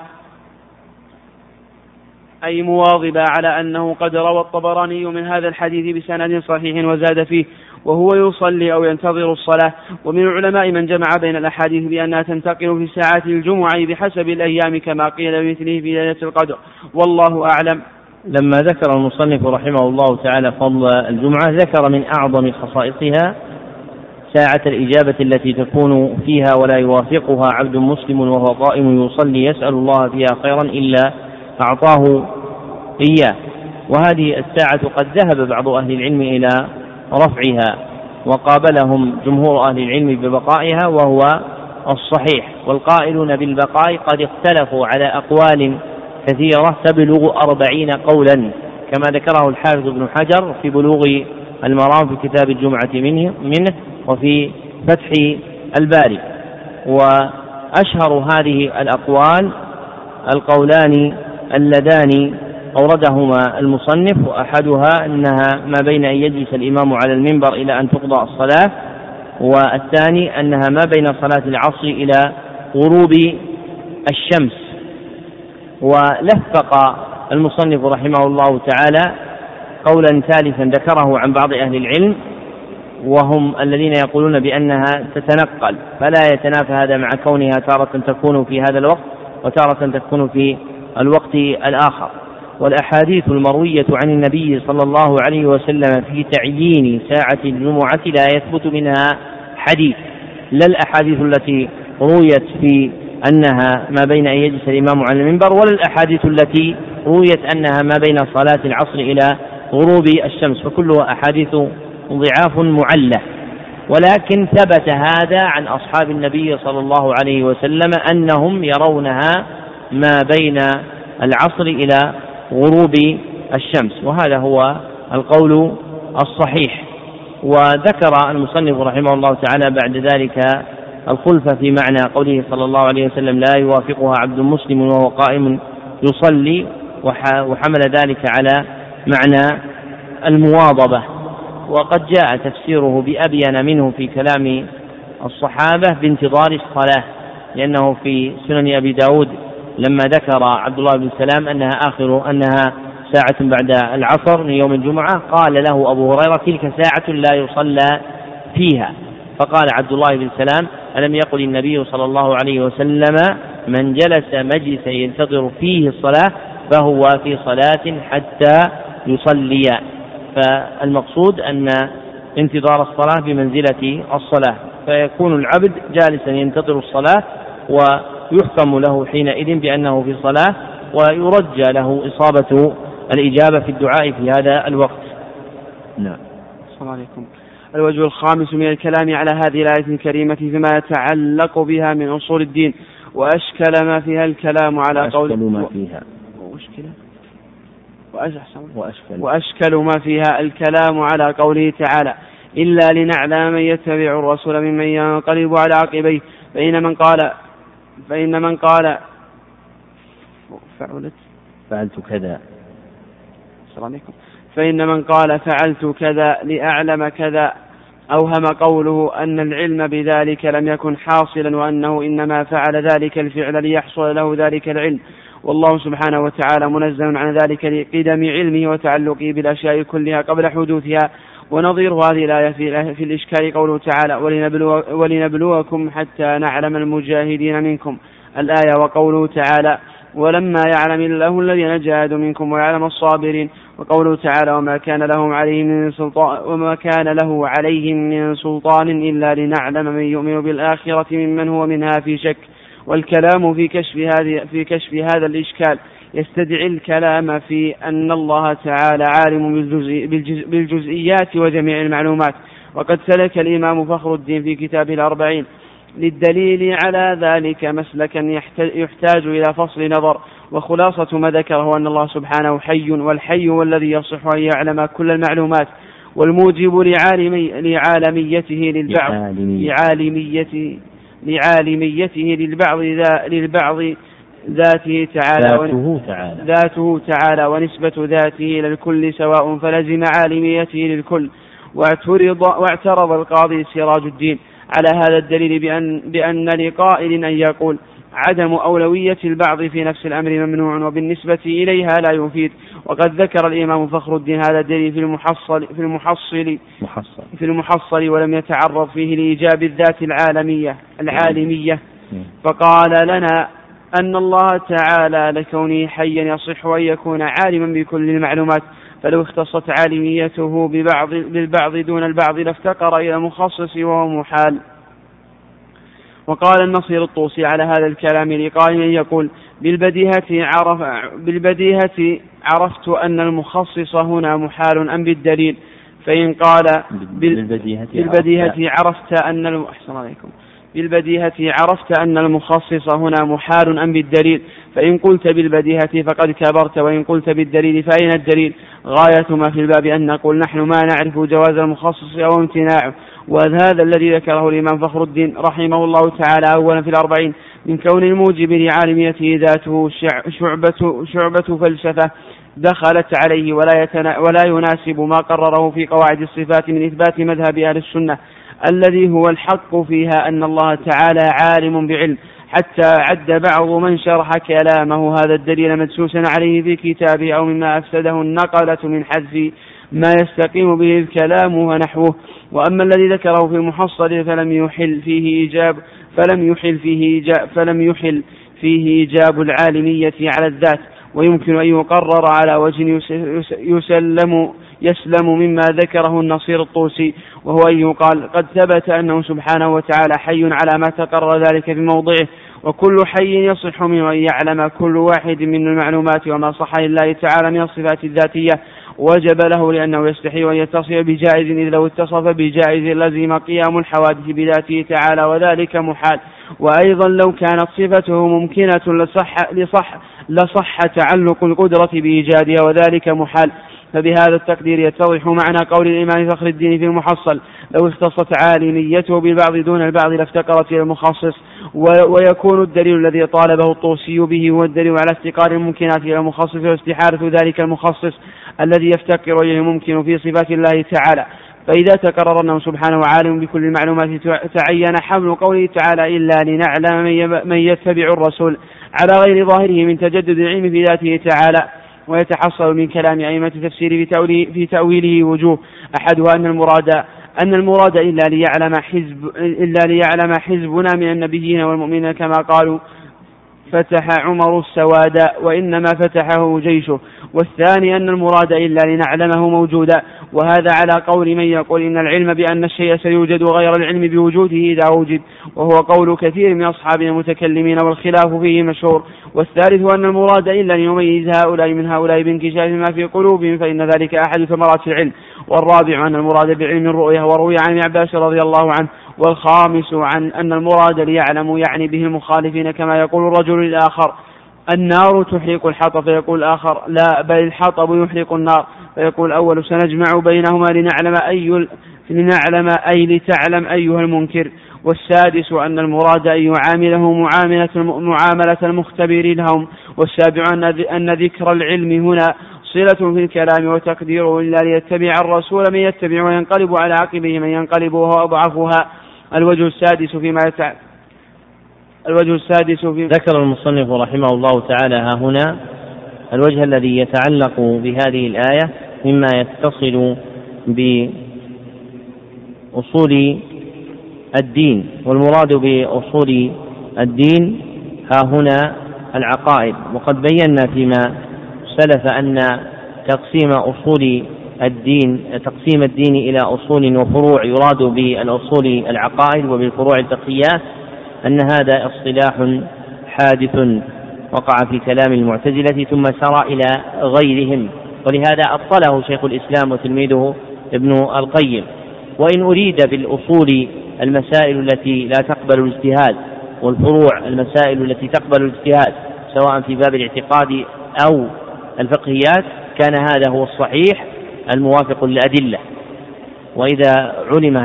هذا كان يكون إطلاقه لأصول الدين على إرادة اعتقادات فيه نظر وقد ذكر رحمه الله تعالى هنا ما يتعلق بباب أصول الدين في الآية وهو ما يتعلق بعلم الله عز وجل وقرره رحمه الله تعالى بدليل عقلي لا يسلم من معارضة وقد نقل في ذلك كلام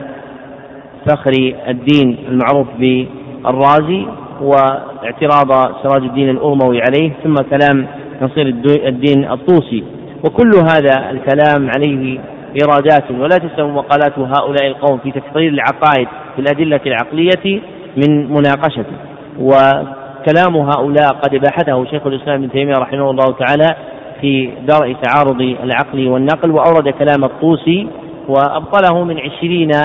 وجها ونحن مستغلون بأدلة الشرع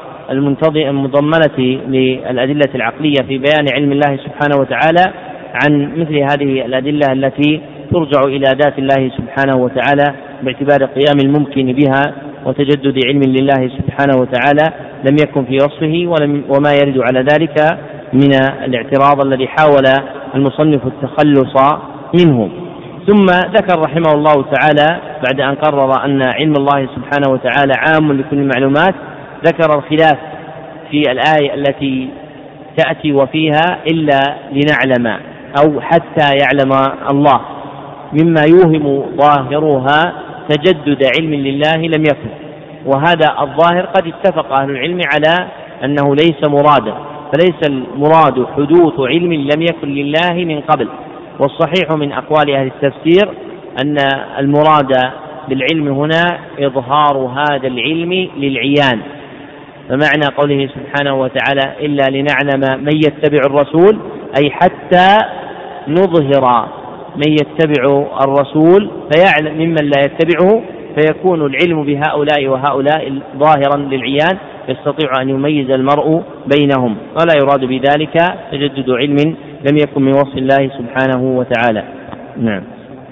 الوجه السادس فيما يتعلق بالآية من أصول الفقه فمما يتعلق بها ما احتج به أكثر العلماء منها على وقوع نسخ السنة بالقرآن فإنه ليس في القرآن وجوب التوجه إلى بيت المقدس وهذه الآية ناسخة لذلك الحكم وقد قال بهذا الجمهور جمهور الفقهاء وأهل الأصول ومنعه الإمام الشافعي رحمه الله تعالى في كتاب الرسالة وخرج ابن سريج قول الإمام الشافعي بالجواز أخذ من الاستدلال بقوله تعالى فلا ترجعوهن إلى الكفار مع أن النبي صلى الله مع أن النبي صلى الله عليه وسلم كان عاقدا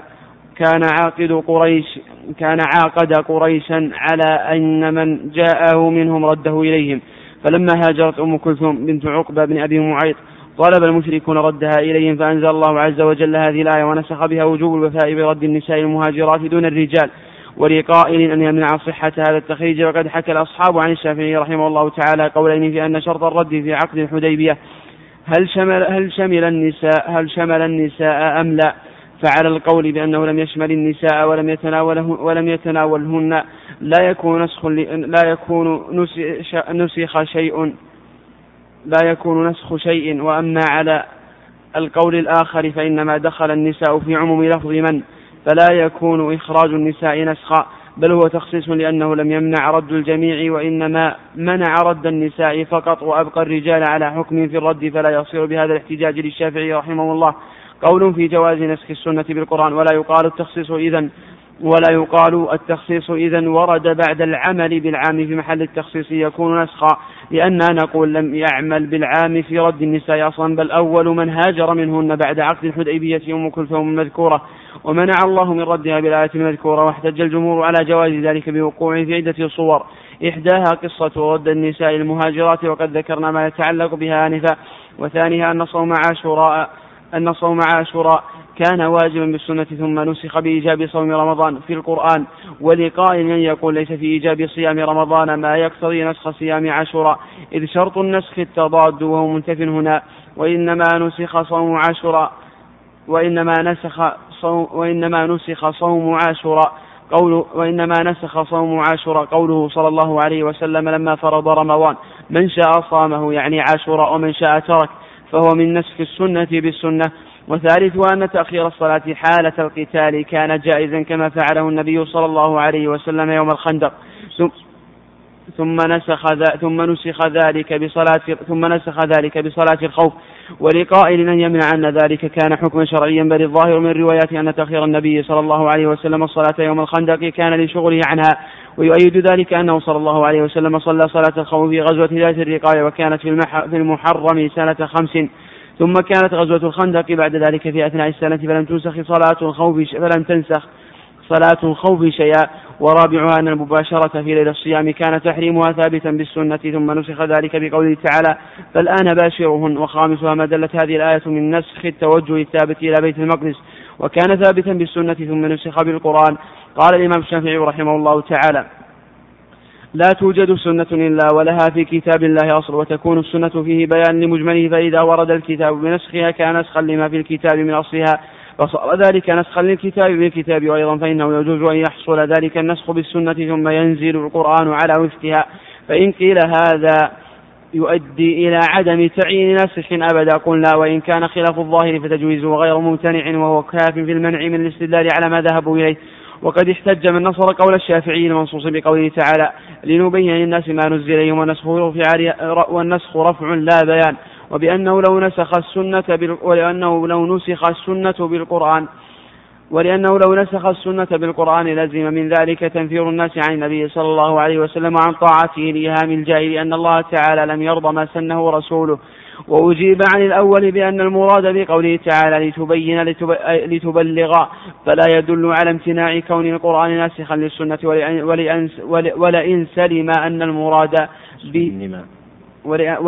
ولئن سلم أن المراد به بيان المجمل ونحوه فلا يسلم فلا يسلم انحصار سنته في البيان خاصة بل جاز مع كونه مبينا أن ينطق أن ينطق أن ينطق بغير البيان وعن الثاني أنه لو امتنع نسخ السنة بالقرآن للنفرة عن قول الرسول عليه الصلاة والسلام لم تنع ذلك في نسخ القرآن بالقرآن والسنة بالسنة وهو خلاف الإجماع بل إذا علم أن الرسول صلى الله عليه وسلم مبلغ عن الله فلا نفرة حينئذ والله أعلم ذكر المصنف رحمه الله تعالى في هذه الجملة الوجه المتعلقة بالآية من باب أصول الفقه وهو نسخ السنة بالقرآن ذلك أن التوجه إلى بيت المقدس إنما ثبت لسنته صلى الله عليه وسلم بعد هجرته صلى الله عليه وسلم هناك وجاء القرآن الكريم بنسخ هذا التوجه إلى بيت المقدس والتوجه إلى الكعبة المشرفة وعلم بهذا أن السنة تنسخ بالقرآن وهذا مذهب جمهور أهل العلم خلافا للشافعي ونصر المصنف رحمه الله تعالى مذهب الجمهور بالحجج التي ساقها من خمسة أوجه وهو المختار أن السنة تنسخ بالقرآن الكريم نعم الوجه السابع فيما يتعلق بها من علم الفقه لما تقرر أن الوسط العدل كما تقدم في الحديث الصحيح وقد على الله تعالى إكرامه هذه الأمة بالعدالة إكرامه هذه الأمة بالعدالة ليكونوا شهداء على الناس لزم من ذلك أن الشاهد لابد وأن يكون عدلا لتفيد, شهادة لتفيد شهادته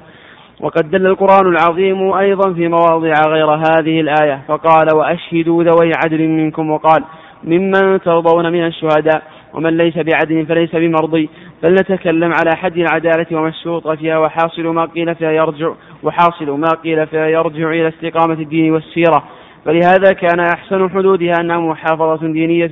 تحمل على ملازمة التقوى والمروءة ليس معها بدعة حتى تحصل ثقة النفوس النفوس بقوله ثم إن المراد بذلك الأغلب من أحواله قال الشافعي رحمه الله تعالى ليس أحد من الناس نعلمه إلا أن يكون قليلا بمحض الطاعة والمروءة حتى لا يخلطهما بمعصية ولا ولا يمحض المعصية ويترك المروءة حتى لا يخلطهما بشيء من الطاعة والمروءة فإذا كان الأغلب على الرجل والأظهر من أمره الطاعة والمروءة قبلت شهادته وإن كان الأغلب على الرجل والأظهر من أمره المعصية وخلاف المروءة ردت شهادته وإنما قال الإمام الشافعي رحمه الله تعالى ذلك لأن الإنسان لا يمكن أن ينجو من خطيئة وزلل وإن قل ويدل على اعتبار الأغلب قوله تعالى فمن ثقلت موازينه فأولئك هم المفلحون الآية والتي بعدها فاعتبر الخفة والثقل مع وجود خلافهما فإذا عرف ذلك فيخرج بالحد الذي يخرج, يخرج فيخرج فيخرج بالحد الذي ذكرناه أمور أحدها أحدها الكفر فلا تقبل شهادة الكافر على مسلم ولا على كافر وقال أبو حنيفة تقبل شهادة الكفار بعضهم على بعض وإن اختلفت مللهم وعن أحمد بن وعن أحمد بن حنبل رواية أن شهادة الكافر تقبل على المسلم في السفر في الوصية إذا لم يكن هناك غيره لنا لنا قوله تعالى إن جاءكم فاسق بنبأ فتثبتوا فأمر بالتثبت عند إخبار الفاسق والكفر أعلى درجات الفسق فإما أن تكون الآية عامة بلفظها في كل فاسق فهو مندرج تحتها أو لا تكون عامة اللفظ أو, أو لا تكون عامة اللفظ فهي عامة بالنظر إلى المعنى الذي رتب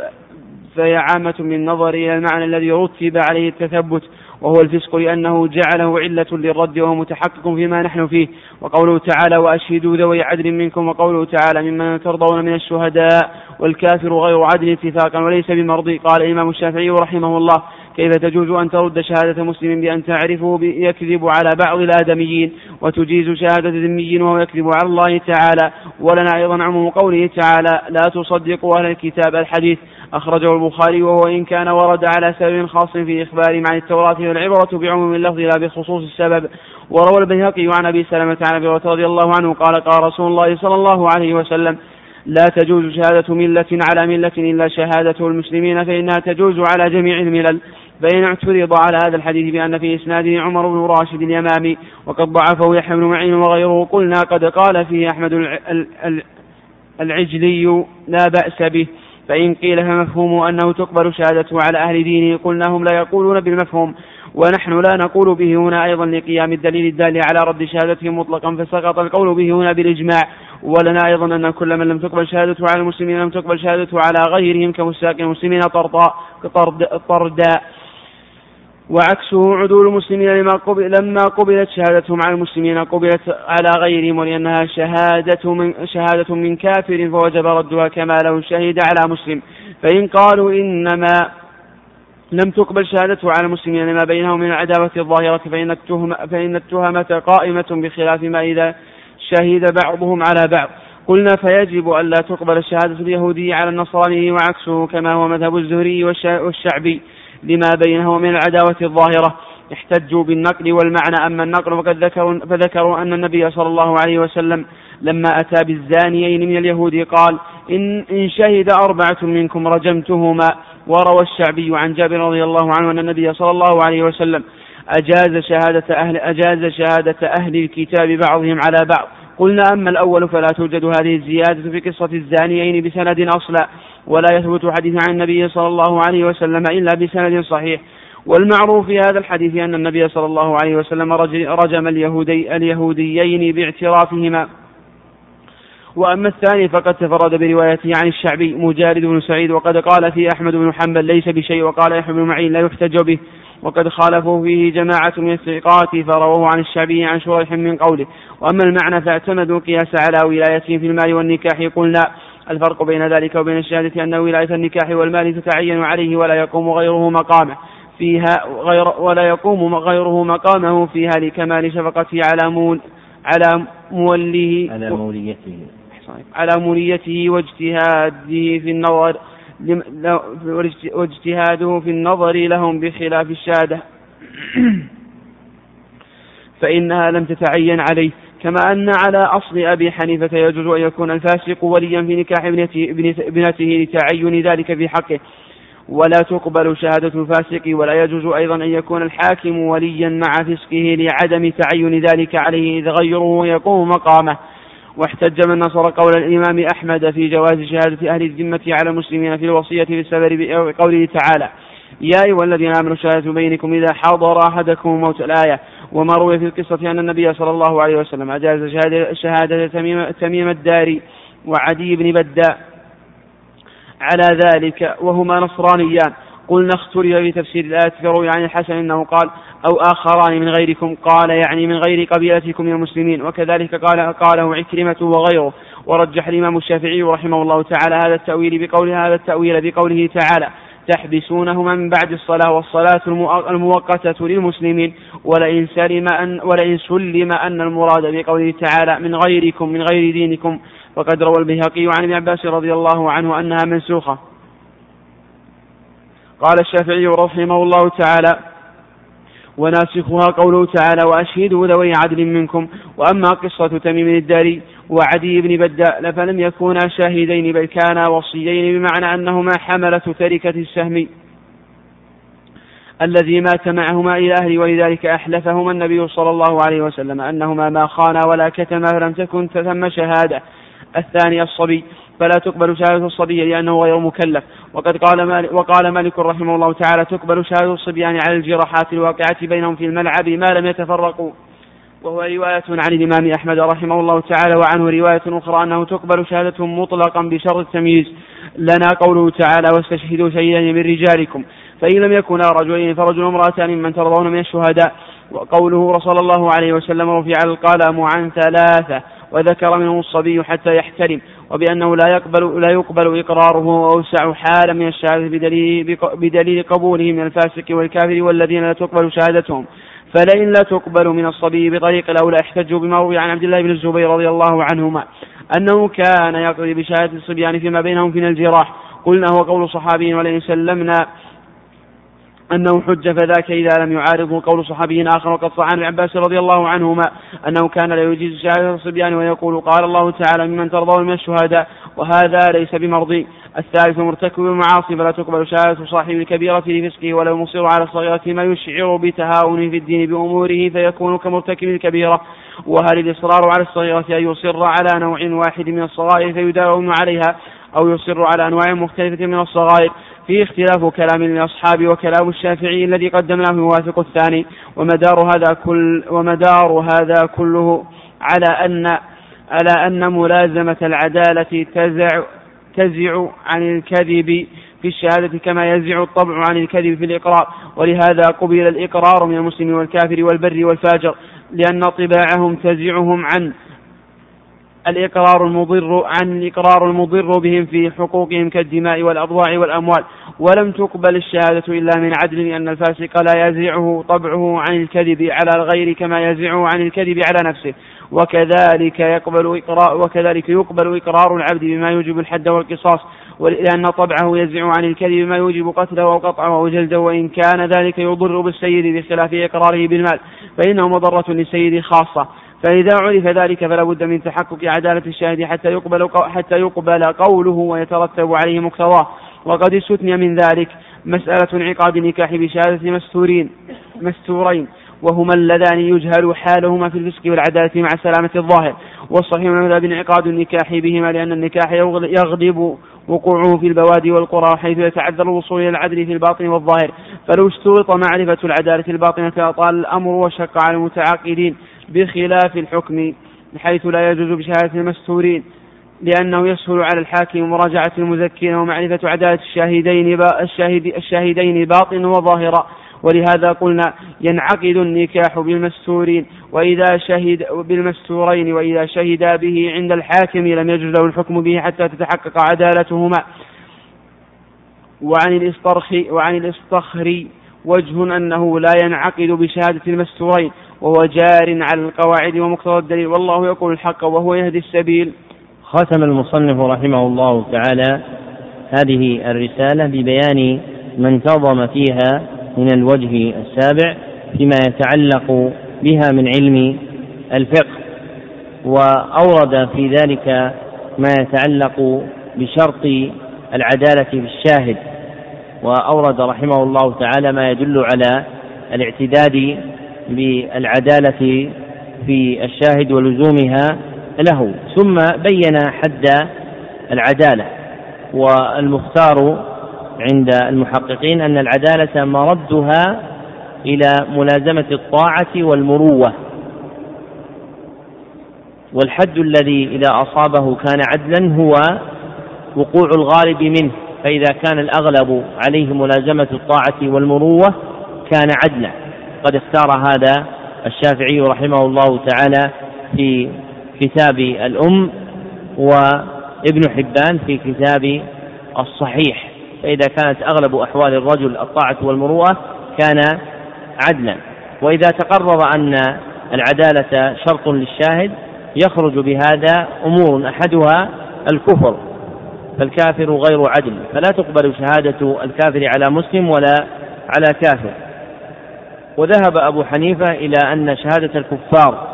على بعضهم تقبل وإن اختلفت مللهم وذهب أحمد بن حنبل في رواية عنه أن شهادة الكافر تقبل على المسلم في السفر في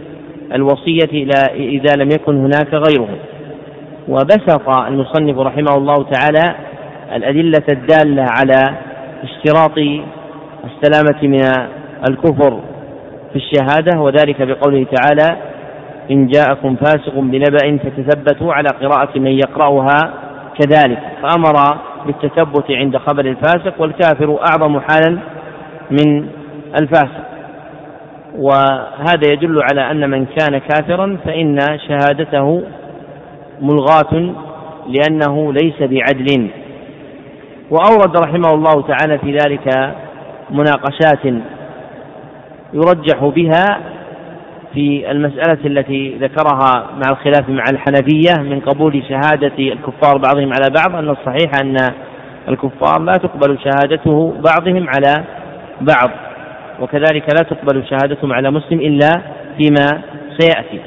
وقال رحمه الله تعالى في مناقشته لهؤلاء لما احتجوا بالنقل قال أما النقل فذكروا أن النبي صلى الله عليه وسلم لما أتي بالزانيين من اليهود قال إن شهد أربعة منكم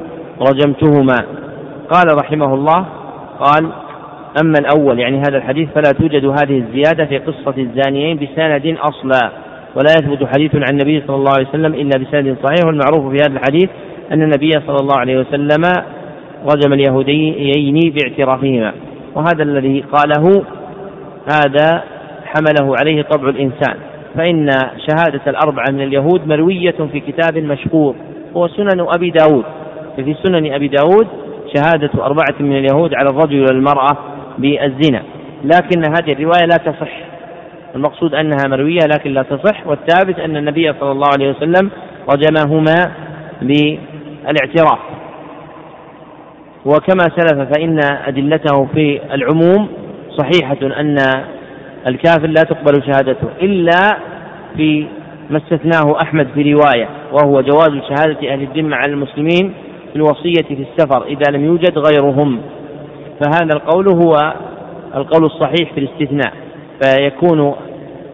العام المنع من شهادة الكافر على مسلم أو على كافر إلا في وصية في سفر لأهل الإسلام والأصل في ذلك قصة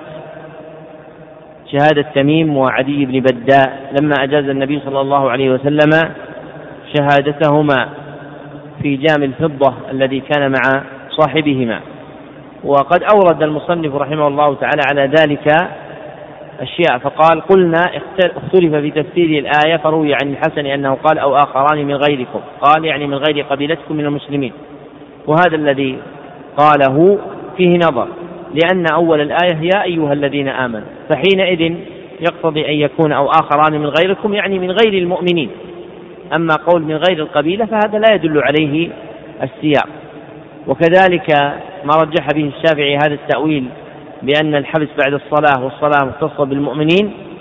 فنعم الصلاة مختصة بالمؤمنين ولكن ما بعد العصر معظم كما جاءت بذلك أحاديث كثيرة فهو وقت معظم لأحاديث الحلف بعد اليمين وغيرها فلأجل تعظيم اليمين بعد العصر اقتضى ذلك توقيت هذا الوقت وما رواه البيهقي عن ابن عباس أنها منسوخة لا يثبت عن ابن عباس فحينئذ إذا لم يثبت النسخ على ابن عباس وكان معنى الآية أو آخران من غيركم يعني من غير المؤمنين رجح القول الذي قاله أحمد وما ذكره المصنف آخرا من أن تميم وعدي لم يكونا شاهدين بل كانا وصيين فيه نظر بل هما وصيان وشاهدان لأنه في حديث ابن عباس في الصحيح أن الرجلين من أولياء السهمي الذي قتل قام فقال لشهادتنا أحق من شهادتهما فهذا نص صريح في محضر النبي صلى الله عليه وسلم بأن ذلك شهادته فالراجح من هذه الأقوال أن الكافر لا تقبل شهادته إلا في شهادة وصية في سفر على مسلم إذا لم يوجد غيره وهذا هو الموافق للآثار فأسعد الأقوال بالتقييم هو هذا القول من العموم والخصوص ثم ذكر أيضا مما يخالف شرط العدالة الصبي لأن الصبي غير مكلف فذهب مالك إلى قبول شهادة الصبيان على الجراحات الواقعة بينهم في الملعب ما لم يتفرقوا وهو رواية عن أحمد واحتج الشافعي رحمه الله تعالى وغيره من أهل العلم باشتراط العقل في الشاهد وهذا الذي احتج به الشافعي وغيره صحيح لكن ثبت تخصيصه عن عبد الله بن الزبير فابن الزبير كان يقضي بشهادة الصبيان فيما بينهم من الجراح وعارضه المصنف بأنه قد ثبت عن ابن عباس خلافه فابن عباس لا يجيز شهادة الصبيان وقد اختلف حينئذ ابن الزبير وابن عباس في إمضاء شهادة الصبي وقد حكم بينهما عمل المسلمين فقد روى ابن ابي شيبه عن ابن ابي مليكه لما ذكر الروايه عن ابن الزبير وابن عباس قال ابن ابي مليكه فما رايت القضاه الا اخذوا بقول ابن الزبير فجرى العمل في قضاه المسلمين في تلك العهود الفاضله على الأخذ بشهادة الصبيان فيما بينهم من الجراح وهذا هو القول الأقوى من القولين والثالث مرتكب المعاصي ومرتكب المعاصي ليس عدلا ولا يقصد بمرتكب المعاصي من تقع منه المعصية وإنما المقصود بمرتكب المعاصي صاحب الكبيرة وسبق أن ذكرنا لكم أن الكبيرة هي ما نهي عنه على وجه التعظيم ما نهي عنه على وجه التعظيم وهذا التعظيم إما أن يكون لذاته وإما أن يكون لغيره كالإصرار على الصغيرة فيكون هذا شاملا لهذا وذاك أما مجرد فعل المعصية فإنه لا يكون خادشا في عدالة الرجل إلا إذا غلبت عليه فحينئذ يكون فاسقا لأنه صاحب كبيرة إما لذاتها كشرب خمر أو زنا وإما لغيرها كالإصرار على صغيرة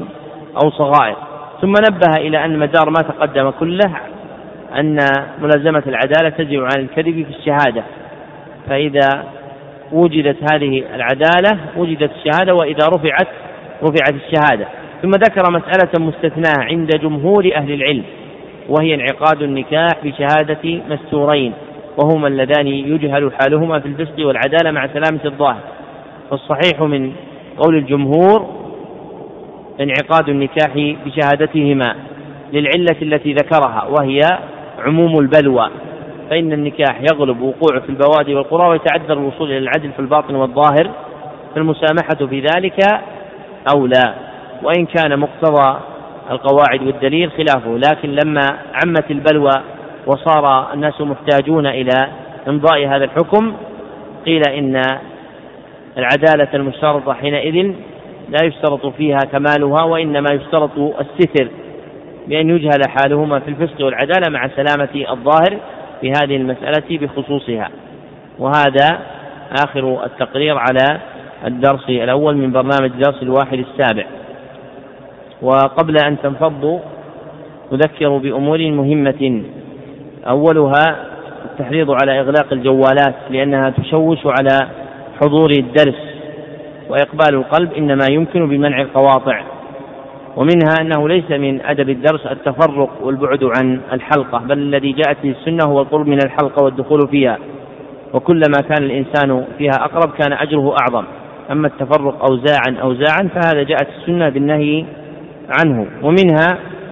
الالتزام من قبل الحاضرين ولا سيما طلاب السكن لحضور جميع فعاليات البرنامج التي تنتهي بالحفل الختامي وتناول طعام العشاء يوم الجمعة ليلة السبت ومنها سيتم توزيع كتاب يتضمن تعريفا بالبرنامج وهو الذي دأبنا على توزيعه كل سنة وشريط إنا كفيناك المستهزئين للعلامة الفوزان وقصيدة السير إلى الله للعلامة السعدي فاحرص على اقتناء نسخك منها ستكون هذه النسخ معدة في آخر المسجد عند انصرافكم وكل يأخذ نسخة واحدة لتعم الفائدة الجميع ومنها جرت العادة بإقامة ثلاث مسابقات مصاحبة للبرنامج المقروء والمسموع والمحفوظ سيكون اختبار مسابقة المقروء بعد درس العشاء من يوم الثلاثاء ومادته كتاب خصائص جزيرة العرب للعلامة بكر أبو زيد وهو أحد كتب البرنامج يوم الثلاثاء فتعتمدون النسخة الموجودة في ضمن المجموع الذي بأيديكم وسيكون اختبار مسابقة المسموع بعد درس العشاء من يوم الأربعاء ومادته شريط إنا كفيناك المستهزئين للعلامة بن فوزان وسيكون اختبار مسابقة المحفوظ بعد درس العصر يوم الأربعاء والخميس ومادته قصيدة السير إلى الله للعلامة بن سعدي وسيجلس الإخوان الذين تعرضون عليهم في آخر المسجد بعد درس العصر من يوم الأربعاء والخميس ويقوم من شاء بالمشاركة في هذه المسابقة بعرض القصيدة كاملة في أحد اليومين لأنها ثمانية عشر بيتا وسهلة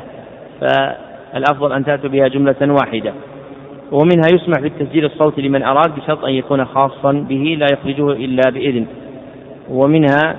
احرص على قراءة الكتيب التعريف بالبرنامج قراءة واعية واحرص على العمل بما فيه